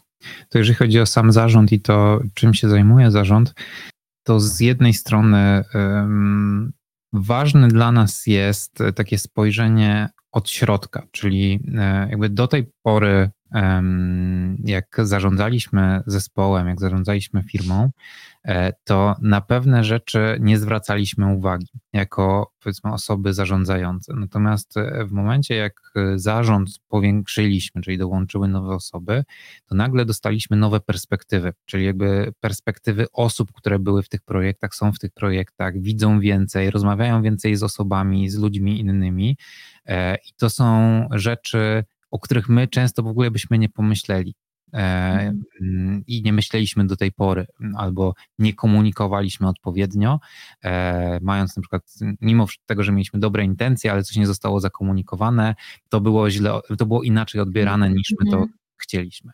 No i e, taka perspektywa tych osób, które dołączyły do, do zarządu jest dla nas e, bardzo ważna i pozwala nam być bliżej zespołu de facto, e, a z drugiej strony wspólnie jesteśmy w stanie nakreślać strategię tego działania naszego, naszej firmy, jesteśmy w stanie określić, gdzie chcemy być za rok i wspólnie określić zadania, które stoją przed nami następnie rozdzielając je na poszczególne zespoły. Czyli opracowujemy właśnie te cele OKR-owe, opracowujemy e, to, mm, jakie byśmy chcieli e, projekty pozyskiwać, e, gdzie, którą część zespołu powinniśmy bardziej rozwinąć. To jest też taka forma, z trzeciej strony, to jest też taka forma kontroli mnie i ja się z tego bardzo cieszę, bo ja mam taką formę kontroli wewnętrznej, czyli e, jako prezes muszę e, coś dowieść temu zarządowi i pokazać, że dowozimy, że coś się zadziało. Jestem z tego rozliczany de facto i to jest naprawdę w byciu przedsiębiorcą duża wartość, bo motywuje jeszcze bardziej do tego, żeby coś zrobić i żeby to zrobić jeszcze lepiej. E, I od razu jest jakaś też taka e, pętla feedbackowa. Ale też włączamy hamulce. Też, tak. A, to prawda. Adrian jest niepoprawnym optymistą. To prawda. Więc y, włączamy często jakiś tam hamulec, żeby wystopować mm. z projektem czy z jakimiś nowymi inicjatywami. Mm żeby to wszystko zdrowiej poszło. Tak, a jest jeszcze jedna wartość, wspólne rozwiązywanie problemów. E, dzięki no. temu, że, e, że właśnie jesteśmy w takim gronie i każdy ma inną perspektywę, i to techniczną, i operacyjną. Ludźmi. Dokładnie. Są bardzo różne charaktery u nas e, w zarządzie. I dzięki temu, że właśnie mamy te różne perspektywy i, i różne charaktery, i różne, różną wiedzę, różne dziedziny, różne specjalizacje, to wspólnie podejmujemy decyzje w kwestiach takich e, rozwiązywania problemów, doradzamy e, sobie wzajemnie też w, w zespołach. Mm, no i to naprawdę bardzo, bardzo pomaga. Mm. A poza tym mamy jeszcze we wtorki zawsze spotkanie zarządu. Tak już czysto technicznie. Tak, tak. Spotykamy się zawsze, mamy takie formatki, które uzupełniamy sobie, e, co u kogo się wydarzyło i we wtorki się spotykamy i obgadujemy e, takie gorące. To zazwyczaj jest e, czas na gorące tematy, mhm. jeśli się jakieś mhm. pojawiają. Mhm. Jasne. To fajnie by było jeszcze porozmawiać trochę o zespole designerskim, bo na pewno sporo tutaj osób, które nas słucha, jest tym zainteresowane. E, Ewa, wspominałaś o tym, że rekrutacja jest dla Was ważna. E, I też szukacie projektantów, projektantek, więc jakbyś mogła opowiedzieć, jakich kompetencji szukacie i co jest dla Was ważne, bo wspominałaś, że w sparingu bardzo liczy się dla Was to holistyczne podejście, więc jakiego, jakiego skillsetu potrzebujecie od ludzi, żeby się do Was dopasować i żeby wszystko, wszystko szło zgodnie z Waszym, z waszym planem? No i to jest super trudne pytanie. Bardzo dużo o tym myślałam, e, bo mm, no, potrzebujemy przeróżnych ludzi z różnymi kompetencjami. Natomiast coś, co e, ze mną jakoś tak rezonuje, spisałam sobie chyba cztery czy pięć takich cech i na pierwszym miejscu mam w ogóle myślenie poza schematami i to chyba się odnosi trochę do tego mojego podejścia do frameworków i wszystkiego innego, że ja to bardzo cenię i świadomość tego i tak dalej. Natomiast myślenie poza schematami w, w projektach jest jedną z najważniejszych cech, moim zdaniem. Takie stanięcie obok czegoś i umiejętność ocenienia, czy coś warto robić, czy nie warto, mhm. albo czy można znaleźć inny pomysł na coś. Więc y, to jest dla mnie super ważne. Y, odpowiedzialność i tak zwany ownership w projektach. Co jest mega fajne w panach i w sparingu, to jest to, że w sumie traktujemy te projekty jak swoje dzieci e, i, i poczuwamy się bardzo do tego, żeby one były jak najlepiej zrobione, a za tym też idzie to, że możemy to robić. W sensie mamy tak realny i zero-jedynkowy wpływ na to, co tworzymy, e, że to po prostu no, najzwyczajniej w świecie cieszy, ale to jest też cecha, którą e, trzeba mieć, trzeba lubić poczucie odpowiedzialności za, jaki, za projekt, w którym się jest, więc to jest super dla nas ważne lecę po tych y, soft skillach, zaraz powiem o, o, o czymś innym. umiejętność słuchania y, i rozumienia drugiej strony. To jest I, mega ważne. No i właśnie tutaj w sumie to powiem, że to jest taki i soft i hard skill, bo Jedna rzecz, no to właśnie to, jeśli rozmawiamy, to czy druga strona potrafi słuchać, ale jeszcze jest ten aspekt rozumienia różnych branż e, i ciekawości drugiego człowieka i tej branży, w której on istnieje. Nie? Czyli tak jak mówiłam o tym e, produkcie szkoły szwajcarskiej, jakby my, żeby to robić dobrze, musieliśmy zrozumieć naszego klienta i w ogóle ekosystem, w jakim on funkcjonuje i te dzieci, w jakim funkcjonują i tak dalej, i tak dalej. Więc e, chodzi tutaj o otwartość umysłu e, i o to, żeby zrozumieć ten inny świat, który reprezentuje nam klient. No i trzeba bardzo dużo słuchać, bardzo dużo, żeby e, i łączyć kropki, żeby e, wyciągnąć z tego to, co najważniejsze. Jeśli chodzi o hard skille, tak naprawdę my y, dość mocno fokusujemy się na y, UX-ie i ja lubię rozdzielać y, te, te pozycje, ale szukamy tak naprawdę i UX-a, i UI-owca pod względem takim technicznym, który umie zarządzać design systemem, odnajduje się właśnie w skalowaniu design systemu. Jeśli chodzi o UX-owca, to tak naprawdę no, osobę, która umie dobrze rozpracowywać procesy y, w takich mhm. systemach y, e, wielkich, nie? Czyli nie na przykład, y, tak jak Adrian mówił o tym, co panowie robią, czyli te projekty eksperymentalne, bo one zazwyczaj są krótkofalowe mhm. i one nie, nie chcę im absolutnie umniejszać, tylko one są UX-owo prostsze, nie? Y, a potrzebujemy osób, które się odnajdują w bardzo skomplikowanych y, flowach i potrafią właśnie y, rozrysować skomplikowane procesy. Bardzo molochy. Tak, o logiczne myślenie, nie? Bardzo dużo mhm. logicznego myślenia, tak, więc tak bym powiedziała. Dużo więcej jest tych soft skills, w sensie tych mhm. takich umiejętności miękkich, komunikacyjnych, e, bo wydaje mi się, że jak to jest, e, to te twarde skille są naprawdę do wypracowania i ja zawsze tak podchodzę do tego, że jakby dużo łatwiej nauczyć się czegoś w Figmie, siedząc tam kilka wieczorów i robiąc rzeczy, niż na przykład nauczyć się poprawnego komunikowania z klientem i tak dalej. To jest dużo trudniejsze, więc te soft skills są dla nas super, super tak, ważne. Figmę można się nauczyć na przykład robiąc nasz kurs. Właśnie. Digitaldesigner.pl Lokowanie produktu. promocja. Ale, ale wiecie, taka, taka jest prawda, nie? Bo to jest, y, to, to tego można się nauczyć, a, a z, z tymi komunikacyjnymi y, skillami oczywiście też można je wypracować, jak najbardziej, natomiast to zajmuje dużo więcej czasu i dużo więcej y, cierpliwości. A mhm. czy macie jakiś e, sposób na to, żeby to sprawdzić właśnie w, w, trakcie rekrutacji? Czy po prostu już na tyle nauczyliście się rozmawiać z tymi osobami, że wiecie po rozmowach, czy ten, ten etap e, rekrutacji jest jakiś dłuższy, żebyście mogli ocenić, czy będzie wam się dobrze mhm. pracowało? Znaczy on etapowo nie jest y, długi, bo tak naprawdę jest dwuetapowy lub trzy, jeśli zdecydujemy się wysłać zadanie. Y, ale to też bym nazwała taki bardziej dwa i pół, bo Mhm. y, to wciąż jest rozmowa ze mną i na przykład jeśli chodzi o zespół UX-owy, designerski, to jest rozmowa ze mną i później na samym końcu z Adrianem.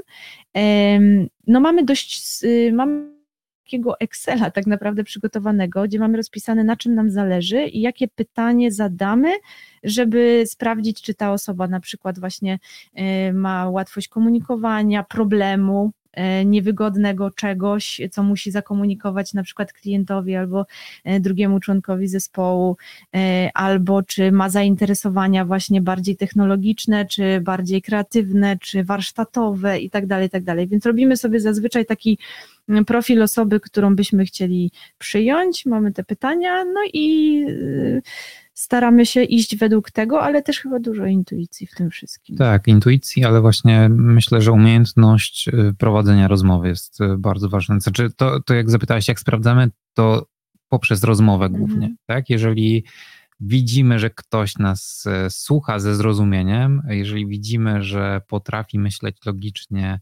em, zadajemy właśnie takie pytania, które pozwalają nam to sprawdzić do, dość łatwo i em, czasem też się okazywało tak, że na przykład na etapie e, Ewy e, osoba świetnie odpowiadała na jakieś Mhm. pytania, Tak. szczególnie techniczne, później miała rozmowę ze mną i się okazywało, że no, niestety y, no, nie łączyła tych kropek tak Mhm. e, dobrze, jakby się wydawało. Tak. Może jesteś taki onieśmielający, Adrian.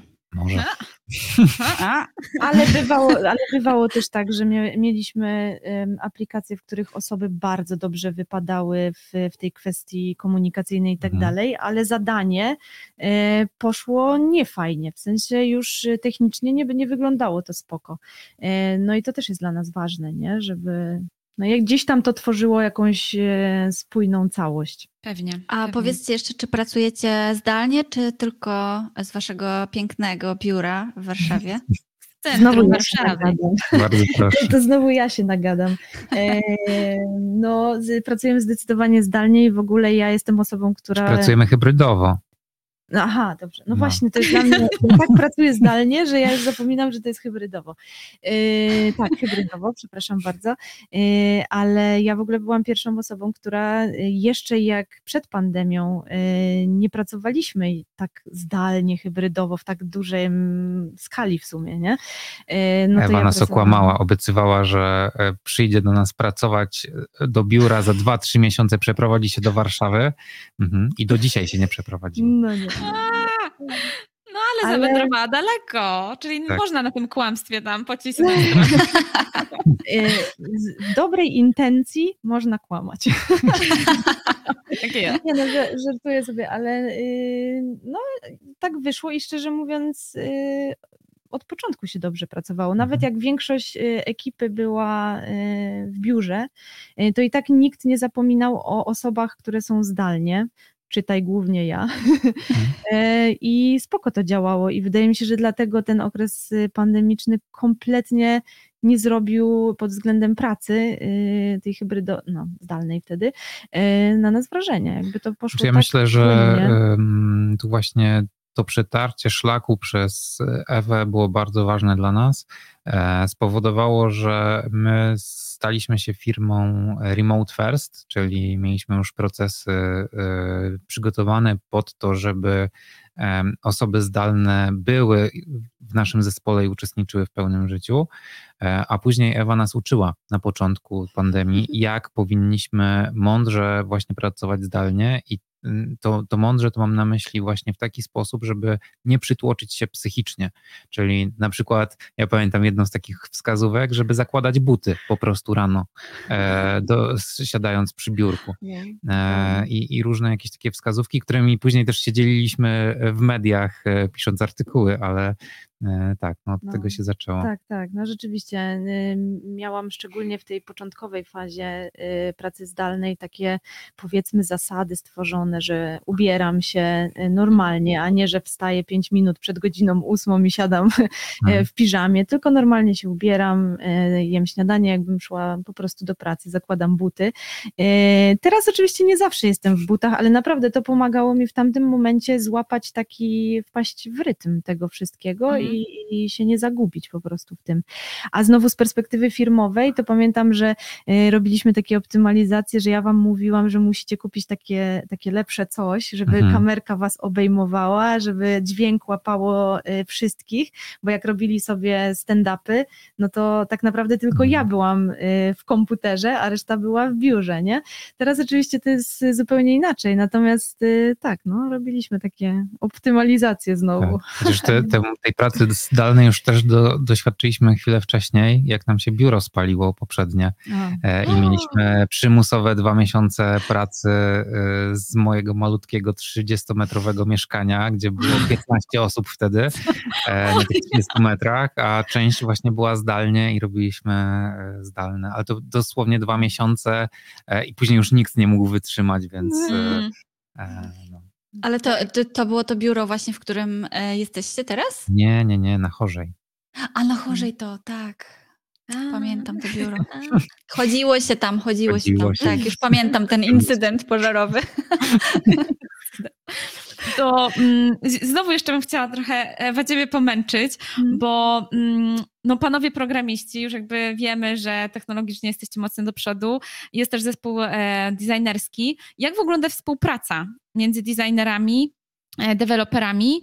E, jak, czy, czy macie jakieś takie dobre praktyki? Bo e, no jakby wiecie, już jest taki stereotyp, że, że designerzy i deweloperzy to trudno się dogadać. To jak to tak. u was wygląda? Tak, to jest prawda. Myślę, że weźmiemy to pytanie pół na pół, Mhm. nie? E, To ja powiem tak e, z perspektywy w ogóle, jako, e, jak, jak przyszłam, dołączyłam do firmy, no to trzeba przyznać, że tutejsi deweloperzy są bardzo e, świadomi UX-owo i to było e, nie było wcale trudne, e, żeby dobrze wypracować ten system e, komunikowania się i tak dalej, i tak dalej. Natomiast jak e, zespół zaczął się rozrastać i UX-owy, i deweloperski zresztą też, e, no to musieliśmy sobie wypracować parę e, dobrych praktyk, na przykład gdzie e, komunikujemy jakieś problemy związane z designami, albo e, jak stworzyć pełne zrozumienie po stronie deweloperów domeny, czyli właśnie na przykład, e, że te dzieci mają taki tryb, a nie inny funkcjonowania na co dzień. E, Więc e, musieliśmy potworzyć trochę takich e, dobrych rytuałów, e, które zostały zaszczepione, żeby ta komunikacja między nami przepływała. E, Ale no, tak jak mówię, od początku pełne zrozumienie obu perspektyw było i to daje 100% do jakości pracy. Jeśli obie strony szanują swoje działki i są nimi zainteresowane. No już nie mówiąc o tym, że frontend u nas jest bardzo UX-owy, po prostu jak Mhm. UX-owcy myślą. Ja myślę, że tutaj odnośnie tych procesów, o których e, Ewa wspomina, to warto dodać taki rytuał, który e, zrobił dość dużo dobrego i jest stosunkowo niedawno u nas, czyli że e, programiści tłumaczą, opowiadają o tym, co widzą. tak. Czyli to oni robią Makiety. taki jakby wsteczny, e, wsteczne opowiadanie o tym, co widzą na makietach i wtedy designer jest w stanie zweryfikować, czy oni dobrze rozumieją makiety Mm. zanim, czy jakby Fajne. tutaj nie ma takiej roli, że oni słuchają tego, co opowie designer, tylko oni muszą aktywnie to zrozumieć i przedstawić. Mhm. Więc to, to była taka dość duża zmiana, E, ale oprócz tego to warto dodać, że my od e, samego początku w naszym DNA jest współpraca z projektantami. I nie bez przyczyny też pracowaliśmy e, tutaj z pa Paulina z tobą wcześniej, no bo e, nie wiem, czy pamiętacie takie hasło, mieliśmy kiedyś, zakodzimy, co zmalujesz. O, pamiętam. Byliśmy wyspecjalizowani. Tak, No. byliśmy wyspecjalizowani e, w pracy z projektantami graficznymi, czyli e, właśnie tymi, którzy odpowiadają za kreację i wdrażaliśmy ich projekty. I, i, i też e, do dzisiaj tak robimy, że no nie mamy u siebie działu UI, czyli takiego, znaczy kreacji takiej w rozumieniu Kreacji, bo właśnie tak, UI, UI mamy, tak. mamy, jak Mhm. najbardziej. design Czyli taki system art direction, nie? Tak, tak, dokładnie. Mhm. E, Więc tutaj cały czas pracujemy z tymi zewnętrznymi e, projektantami i też e, dla takich zewnętrznych projektantów jako ich partnerzy i wdrażamy ich projekty. I bardzo dobrze się dogadujemy, bo rozumiemy ten ich język, czyli wiemy, jak ważne są paddingi, odległości, letter spacing, co to jest, co to jest interlinia, czyli dużo rzeczy, na, których zawsze, na które zawsze projektanci narzekają, że programiści Mhm. tego nie rozumieją. No my to Mhm. rozumiemy, a jeszcze oprócz tego dajemy od siebie to właśnie z jednej strony ten UX i to zrozumienie UX-u i podpowiadamy, co można lepiej zrobić, e, a z drugiej strony też e, dajemy jakieś takie możliwości, ograniczenia techniczne, podpowiadamy, e, o, jak, jak to wszystko ułożyć, żeby to jak najlepiej funkcjonowało. I wychodzi chyba nam to całkiem nieźle, biorąc pod uwagę to, że e, nawet zdobyły, zdobyliśmy kilka awardsów i, i fajnych nagród. Mm, e, No z właśnie, nagrody. No. Super. No ale też się dzielimy też y, Tak. to, tą wiedzą, nie? W sensie mówimy też, jak to z naszej perspektywy, yy, znaczy z technicznej, yy, co potrzebujemy na przykład, Mhm. yy, żeby projekt był dobry też dla deweloperów, przyjazny yy, i na odwrót, nie? Jakby wymieniamy się tym. To jest taka obustronna też edukacja, mm, wydaje mi się.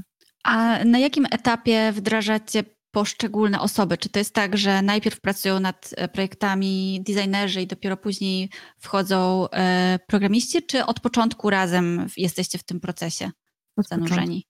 Od początku, natomiast w różnej skali zaangażowania. E, Więc e, jak projekt e, startuje i na przykład, bo, bo jest też tak, że jak Adrian czy inny, czy PM na przykład, bo mam, tak jak Adrian mówił, w tym dużym projekcie mamy aż trzech PM-ów, przychodzi do mnie z, z czymś, że będzie coś nowego. E, Czy zupełnie nowy projekt, czy coś nowego w tym dużym produkcie, em, to najpierw to do mnie przychodzi, Jako do stratega. tak, Mhm. tak, jako po prostu co, co my z tym w ogóle mamy począć, jak to poprowadzić i, i tak dalej. I później, e, jak ja gdzieś sobie to przemyślę i tak dalej, skomponuję e, po, na, po stronie UX-owej, kto się tym zajmie i tak dalej, i tak dalej, to robimy kick-off z e, wszystkimi. Mm, W sensie są w tym testerzy, są deweloperzy i oni już wiedzą, jakby mają to ziarnko zasiane, że wiedzą w ogóle czego dana rzecz, projekt, feature będzie się tyczył. I, I później tak naprawdę w zależności od tego, ile mamy do zrobienia, ile mamy czasu, to powoli wdrażamy w coraz głębiej te osoby, e, ale t- tak na start są wszyscy tak naprawdę. Mają świadomość, jakby tworzymy świadomość projektu, tego co mamy do zrobienia od samego początku. Mhm. A jak wygląda też współpraca z klientem pod kątem tego procesu projektowego? Jak tego klienta wdrażacie w cały, w cały proces? Ale ja tu dzisiaj będę dużo mówić. No bardzo proszę. Dawaj. Dobrze, dawaj. Daję, daję, daję, bo ja też y, bardzo lubię w ogóle y, pracować z klientami, lubię rozmawiać z klientami, więc y, dobrze się w tym czuję. W każdym razie y, myślę, że takim je- jednym, y, jedną z rzeczy, która powoduje połączenie pomiędzy nami a klientem jest, są warsztaty i to tak z perspektywy designowej. Ja zawsze w tych warsztatach jestem, Adrian też E, I to jest jakby jedna z rzeczy, która tworzy tą relację, powiedzmy, z klientem. E, Oprócz tego, oczywiście, są normalne spotkania i tak dalej, i tak dalej, ale co najważniejsze w tej relacji jest, e, to jest to, że my edukujemy e, klienta. W sensie zapraszamy go do zespołu, on jest częścią tego całego projektu i robimy wszystko tak, żeby klient wiedział, dlaczego na etapie UX-owym dzieje się to, dlaczego na etapie deweloperskim dzieje się tamto i przez to, że klient jakby rozumie i jest też doedukowany i nawet jeśli ten projekt się po prostu skończy i nie kontynuujemy kolejnego, czy tam nie rozbudowujemy czegoś, to ten klient wychodzi e, i jest w branży już dużo bardziej doedukowany technologicznie, UX-owo i tak dalej, i tak dalej. No i też bardzo często polecają nas przez to i wracają a na przykład po roku lub dwóch z jakimś innym projektem e, i idą z tym do nas, bo wiedzą, że my jesteśmy, e, mówimy tym przyjaznym językiem, nie mówimy technicznie czy tam bardzo UX-owo, tylko tłumaczymy wszystko na bardzo prosty język i tak, tak żeby klient wiedział o co chodzi w tym całym Mhm. procesie. Więc myślę, że to jest taki Tak, ale też tego. z drugiej strony e, podpowiadamy klientom od strony biznesowej, jak podejść do tego typu produktów. Czyli, że pro, to, co oni nazywają projektem, to często nie jest jakaś jednorazowa rzecz, że przychodzą z jakimś pomysłem i ten pomysł im wdrożymy. Po prostu, no my tak nie działamy. My zawsze e, edukujemy klienta, że ten pomysł to nie, nie może być pomysł e, po prostu, który im przyszedł do głowy, ale on powinien mieć jakieś podwaliny, dawać jakąś wartość, odpowiadać na jakiś e, problem. No i my próbujemy dotrzeć zawsze do tego sedna problemu, do, do tego, jaką wartość najlepiej dostarczyć, co będzie tą najlepszą wartością i w jaki sposób to dostarczyć. Bo nie zawsze na przykład aplikacja mobilna będzie najlepszym rozwiązaniem tego problemu, który oni mają, e, tylko na przykład zupełnie e, coś innego, albo jakaś poprawa prostego procesu u nich wewnętrznie w firmie, niekoniecznie jakieś narzędzie, które trzeba budować. E, I jakby to też nas pozycjonuje jako takich partnerów biznesowych dla tych klientów. I oni mają dzięki temu do nas dużo większe zaufanie. I, I tak naprawdę e, dzięki temu tak długofalowo wtedy współpracujemy. Co ciekawe, zdarzało się właśnie tak, że klienci wychodzili od nas zupełnie z czymś innym niż e, pomysł, z którym przyszli. Bardzo Mhm. podważamy, nie? Tak. E, Zawsze to, to, z czym klienci przychodzą, jest przez nas podważane i to nie w, tym- nie w tym negatywnym sensie, nie? Że, że jakoś obrażamy, wręcz przeciwnie, to są bardzo przyjemne rozmowy, bo one wchodzą na taki poziom e, bardzo, bardzo biznesowy, nie? Takie zadanie sobie w ogóle pytania, po co my to robimy? Dlaczego my to w ogóle robimy? Tak, ale też pokazujemy, to, to, to jest bardzo ważne to, co mówisz, ale też przyszło mi do głowy, że pokazujemy też różne rzeczy, o których klient musi pomyśleć, na przykład budując taki produkt. Czyli oprócz tego, że on to zbuduje i, i zacznie promocję, to on przecież musi jeszcze mieć e, strategię monetyzacji chociażby. Musi myśleć o tym, jak, e, jaką mieć strategię go-to-market. E, Musi zbadać konkurencję i my w tym wszystkim tym klientom pomagamy również. Czyli Mhm. kompleksowo podchodzimy do budowy tego produktu cyfrowego jako właśnie tacy partnerzy y, nie tylko techno, technologiczni, ale w bardzo przyjazny sposób tłumaczący również y, podejście biznesowe. Ekstra.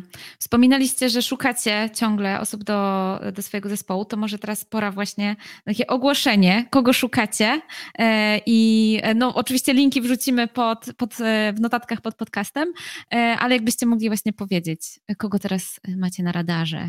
Po pierwsze, projektantów, e, czyli to, co- o czym wspomniała już Ewa, jakie wymagania mamy. Szukamy project managerów, szukamy programistów frontendu, szukamy programistów backendu. Wszystkich. Więc w zasadzie Wszystkich. Wszystkich. Wszystkich Zapraszamy rozbudowujemy. wszystkich do nas. rozbudowujemy zespół, bo mamy bardzo fajne projekty i, i naprawdę się to Mm. nam coraz bardziej rozkręca i, i jest fajna atmosfera. I super biuro. I super biuro. biuro z fajnymi współlokatorkami. Dokładnie. No właśnie, to powiedzcie, e, no bo rozwijacie się bardzo, rekrutujecie dużo, no to jakie macie plany? Bo też bardzo dużo zmieniliście w ostatnich latach. E, Wprowadziliście zarząd, zrobiliście bardzo dużo, wprowadziliście bardzo dużo procesów.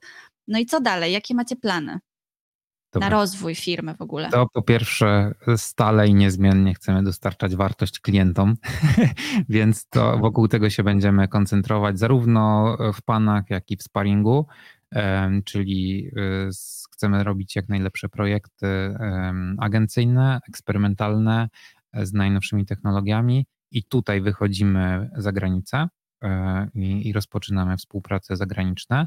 Z drugiej strony sparring też bardzo mocno teraz będziemy działać z mm, działaniami sprzedażowymi za granicą.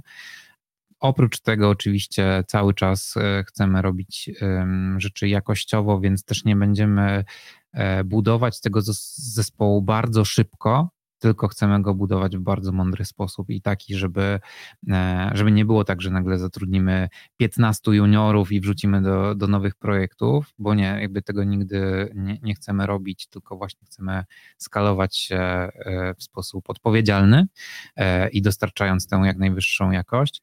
Cały czas nam zależy jak, na jak najlepszej atmosferze w zespole i, i w tym, żeby również z klientami pracować e, w jak najlepszej atmosferze. Dzięki jakby po to i w tym celu też robimy wewnętrzne szkolenia z komunikacji między innymi e, i, i będziemy badać tę satysfakcję i wewnętrzną i zewnętrzną. E, I oprócz tych rzeczy sparingowych i panów myślimy o tym, żeby zbudować e, własny jakiś produkt. Natomiast to jest kwestia, którą e, właśnie w, ramach której jestem e, hamowany przez zarząd, więc na razie tutaj spokojnie wstrzymuję się z tym na spokojnie, na spokojnie więc na spokojnie. raczej nie można tego traktować w tym roku, ale myślimy o tym mocno. No jeszcze ta zmiana oblicza edukacji na świecie, to mnie bardzo Tak, jest to też związane z, tymi, z tym produktem e, naszym, bo możliwe, że zrobimy to w kooperacji. Uuu, Super. A powiedzcie jeszcze, e, jak byś, na rozwoju jakich umiejętności wy osobiście chcecie się skupić? Ty, Adrian i ty, Ewa, w tych najbliższych miesiącach, powiedzmy. To jeszcze dodam właśnie do tego, mm, wydaje mi się, że bardzo ważne jest wciąż, żebyśmy byli też organizacją, która y, zrzesza mm, fajnych ludzi i, mhm. i fajnie się mm, wszyscy rozwijamy tutaj i to jest też jeden y, z, z celów. I myślę, że ja w ogóle na ten rok mam taki cel, żeby wejść trochę wyżej menadżersko jeszcze. Mhm. Może jest to zaskakujące jako UX, że, że bardziej w tą stronę. E, natomiast widzę, jak trudna jest praca y, z ludźmi, w sensie bycie odpowiednią osobą dla każdego pracownika mhm. i dostarczanie, zaopiekowanie tych wszystkich potrzeb y, u każdej z tych osób. No bo tak jak mówiłam, mamy osoby, które są, e, specjalizują się w UI-u i kogoś w UX writingu i każdy ma jakieś ambicje, ale każdy też ma jakieś prywatne y, kwestie, które zawsze przenoszą się do pracy, bo to jest zupełnie normalne no i ja muszę umieć się tym wszystkim zaopiekować. E, I myślę, że to będzie mój cel, żeby jak najlepiej e, organizować i opiekować się zespołem, czyli pójście w te menadżerskie skille. Natomiast jeśli chodzi o biznesowo, no to wciąż produkty. No jakby to jest coś tak e, wielkiego i mam wrażenie, że tak się zmienia w powiązaniu z tym, co się na świecie dzieje, nie? Czyli tutaj raz, że pandemia była, teraz rewolucja AI, jakby co, co chwilę coś y, w tym świecie digitalowym się dzieje, że trzeba mieć tak y, oczy uszy szeroko y, otwarte, że to jest ta produktowość, to spojrzenie holistyczne na produkty, żeby one funkcjonowały i żeby te startupy może tak nie failowały. myślę, że to jest mało realne, tak. ale i, i też zupełnie normalne, ale no tak, myślę, że, że to, nie? A to jeszcze Ewa, e, dopytam Ciebie e, w kontekście tej wiedzy właśnie z zarządzania i pomagania e, mhm. zespołowi, tej menedżerskiej, to skąd czerpiesz? Czy to są właśnie te podcasty, o których wspomniałaś, czy, czy właśnie jakieś książki, czy jeszcze może są jakieś inne miejsca typu, nie wiem, jakiś mentor, czy jakieś hmm? grupy? To miks chyba wszystkiego, bo y, no oczywiście z podcastów, bo najba, naj, najlepiej do mnie to dociera, więc sporo y, słucham tego, ale obserwuję właśnie innych przedsiębiorców, którzy mówią o tym, z czym się zmagają, bo jakby to najbardziej do mnie przemawia, jak ktoś mówi o realnych przypadkach. Y, druga sprawa, mentoring czyli osoby, które potrafią z boku spojrzeć i powiedzieć ci, ej, ej, ej, źle powiedziałaś to, nie tak powinnaś była skonstruować zdanie.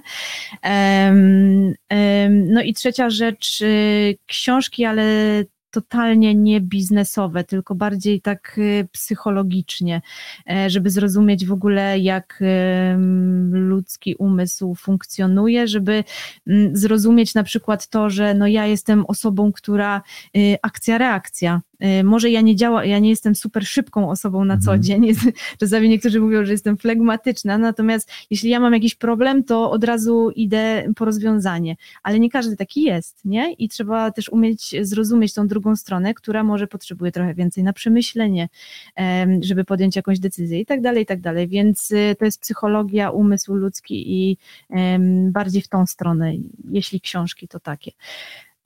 I doświadczenia przedsiębiorców innych. To jeszcze Ekstra. ty, Adrian, powiedz o swoich, e, swoim rozwoju. 10 I- książek naraz czytanych. To jest to, że jestem właśnie optymistą, więc chciałbym, i, i chciałbym zrobić wszystko naraz. E, Ale z punktu widzenia rozwoju trochę się powtórzę e, w tym, co, co powiedziała Ewa, bo, bo mamy, jak się okazuje, bardzo podobny e, kierunek rozwoju. Ja sobie wyznaczyłem taki cel, że chciałbym być jak najlepszym CEO. Jakkolwiek to zabrzmi, chciałbym być jak najlepszym CEO, ale pod takim względem, żeby wspierać osoby, które ze mną pracują. Czyli chciałbym właśnie nauczyć się tego mentoringu, bycia tym mentorem, pokazywać, wyznaczać jakieś ścieżki, e, pomagać właśnie w komunikacji, pomagać e, w pracy z zespołami. To jest coś, czego ja się cały czas też uczę, a w zasadzie do tej pory bardzo dużo rzeczy tych było robionych e, intuicyjnie. Tym momencie, kiedy mamy już strukturę zespołu ponad, czy jakby wielkość zespołu ponad 30 osób, to też zmieniają się problemy, zmienia się sposób podejścia, zmienia się format komunikacji, e, przekazywania w ogóle informacji e, i, i tego, jak długo dociera komunikat, e, który ma dotrzeć do konkretnych osób. I to zarówno z góry, jak i z dołu, więc to są tak skomplikowane mechanizmy, albo coraz bardziej skomplikowane mechanizmy w tej całej układance, e, że na tym chcę się skupić, żeby to lepiej też poznać i, i lepiej odpowiadać na te, na te problemy i być cały czas tą organizacją zwinną, żebyśmy dalej mieli z jednej strony taki duch zespołu em, przyjaznego, fajną atmosferę, żeby to nie poszło w stronę korporacji, bo, bo tego nie chcemy i to też zabija tę innowacyjność, którą mamy em, taką naturalną w sobie ale żeby właśnie e, cały czas, e, przy, nawet przy coraz większym zespole, to wszystko podtrzymywać żeby ta atmosfera była i, i żeby zespoły się rozwijały. I żeby każdy w zespole też się rozwijał. Nie, nie same zespoły, nie tylko firma, ale też każdy członek naszego zespołu. Pięknie. Czyli chcecie być jednym słowem best boss in the world. Tak, y, znamy taki kubek. y, Kubek Michaela Scotta z The Office. Dokładnie mi chodzi. Dokładnie tak. Chyba też ma jakiś taki znacznik, widziałam tam tak na stole. do, dostałem od Ani u nas, Ani Testerki. O, O, no to wspaniale. ekstra. Słuchajcie, bardzo Wam dziękujemy. Super było posłuchać o, o Waszym rozwoju, o tym, jak się zmieniacie. Będziemy Was obserwować za ściany. Bardzo dziękujemy No i- również.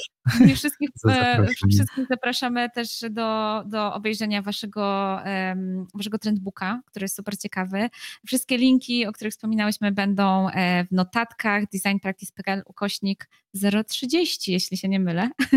Okrągłolutki. Tak, okrąglutki. Pięknie. No i e, mamy nadzieję, że do zobaczenia niebawem. Słuchajcie, trzymamy kciuki za was Ja. bardzo mocno. Też, też też mamy taką nadzieję. e, Trzymajcie się i też życzymy Wam mocnego rozwoju i, i Mm. tego, żebyście również miały super atmosferę u siebie. Super, dzięki Dzięki wielkie. Dzięki.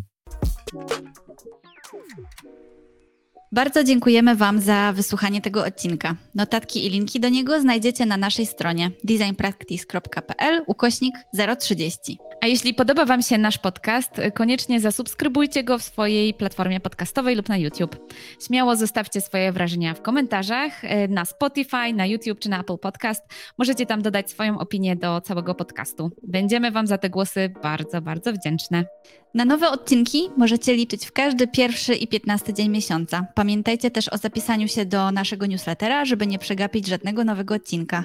Wejdźcie na stronę designpractice.pl i zapiszcie się na newsletter. I do zobaczenia, do usłyszenia za dwa tygodnie.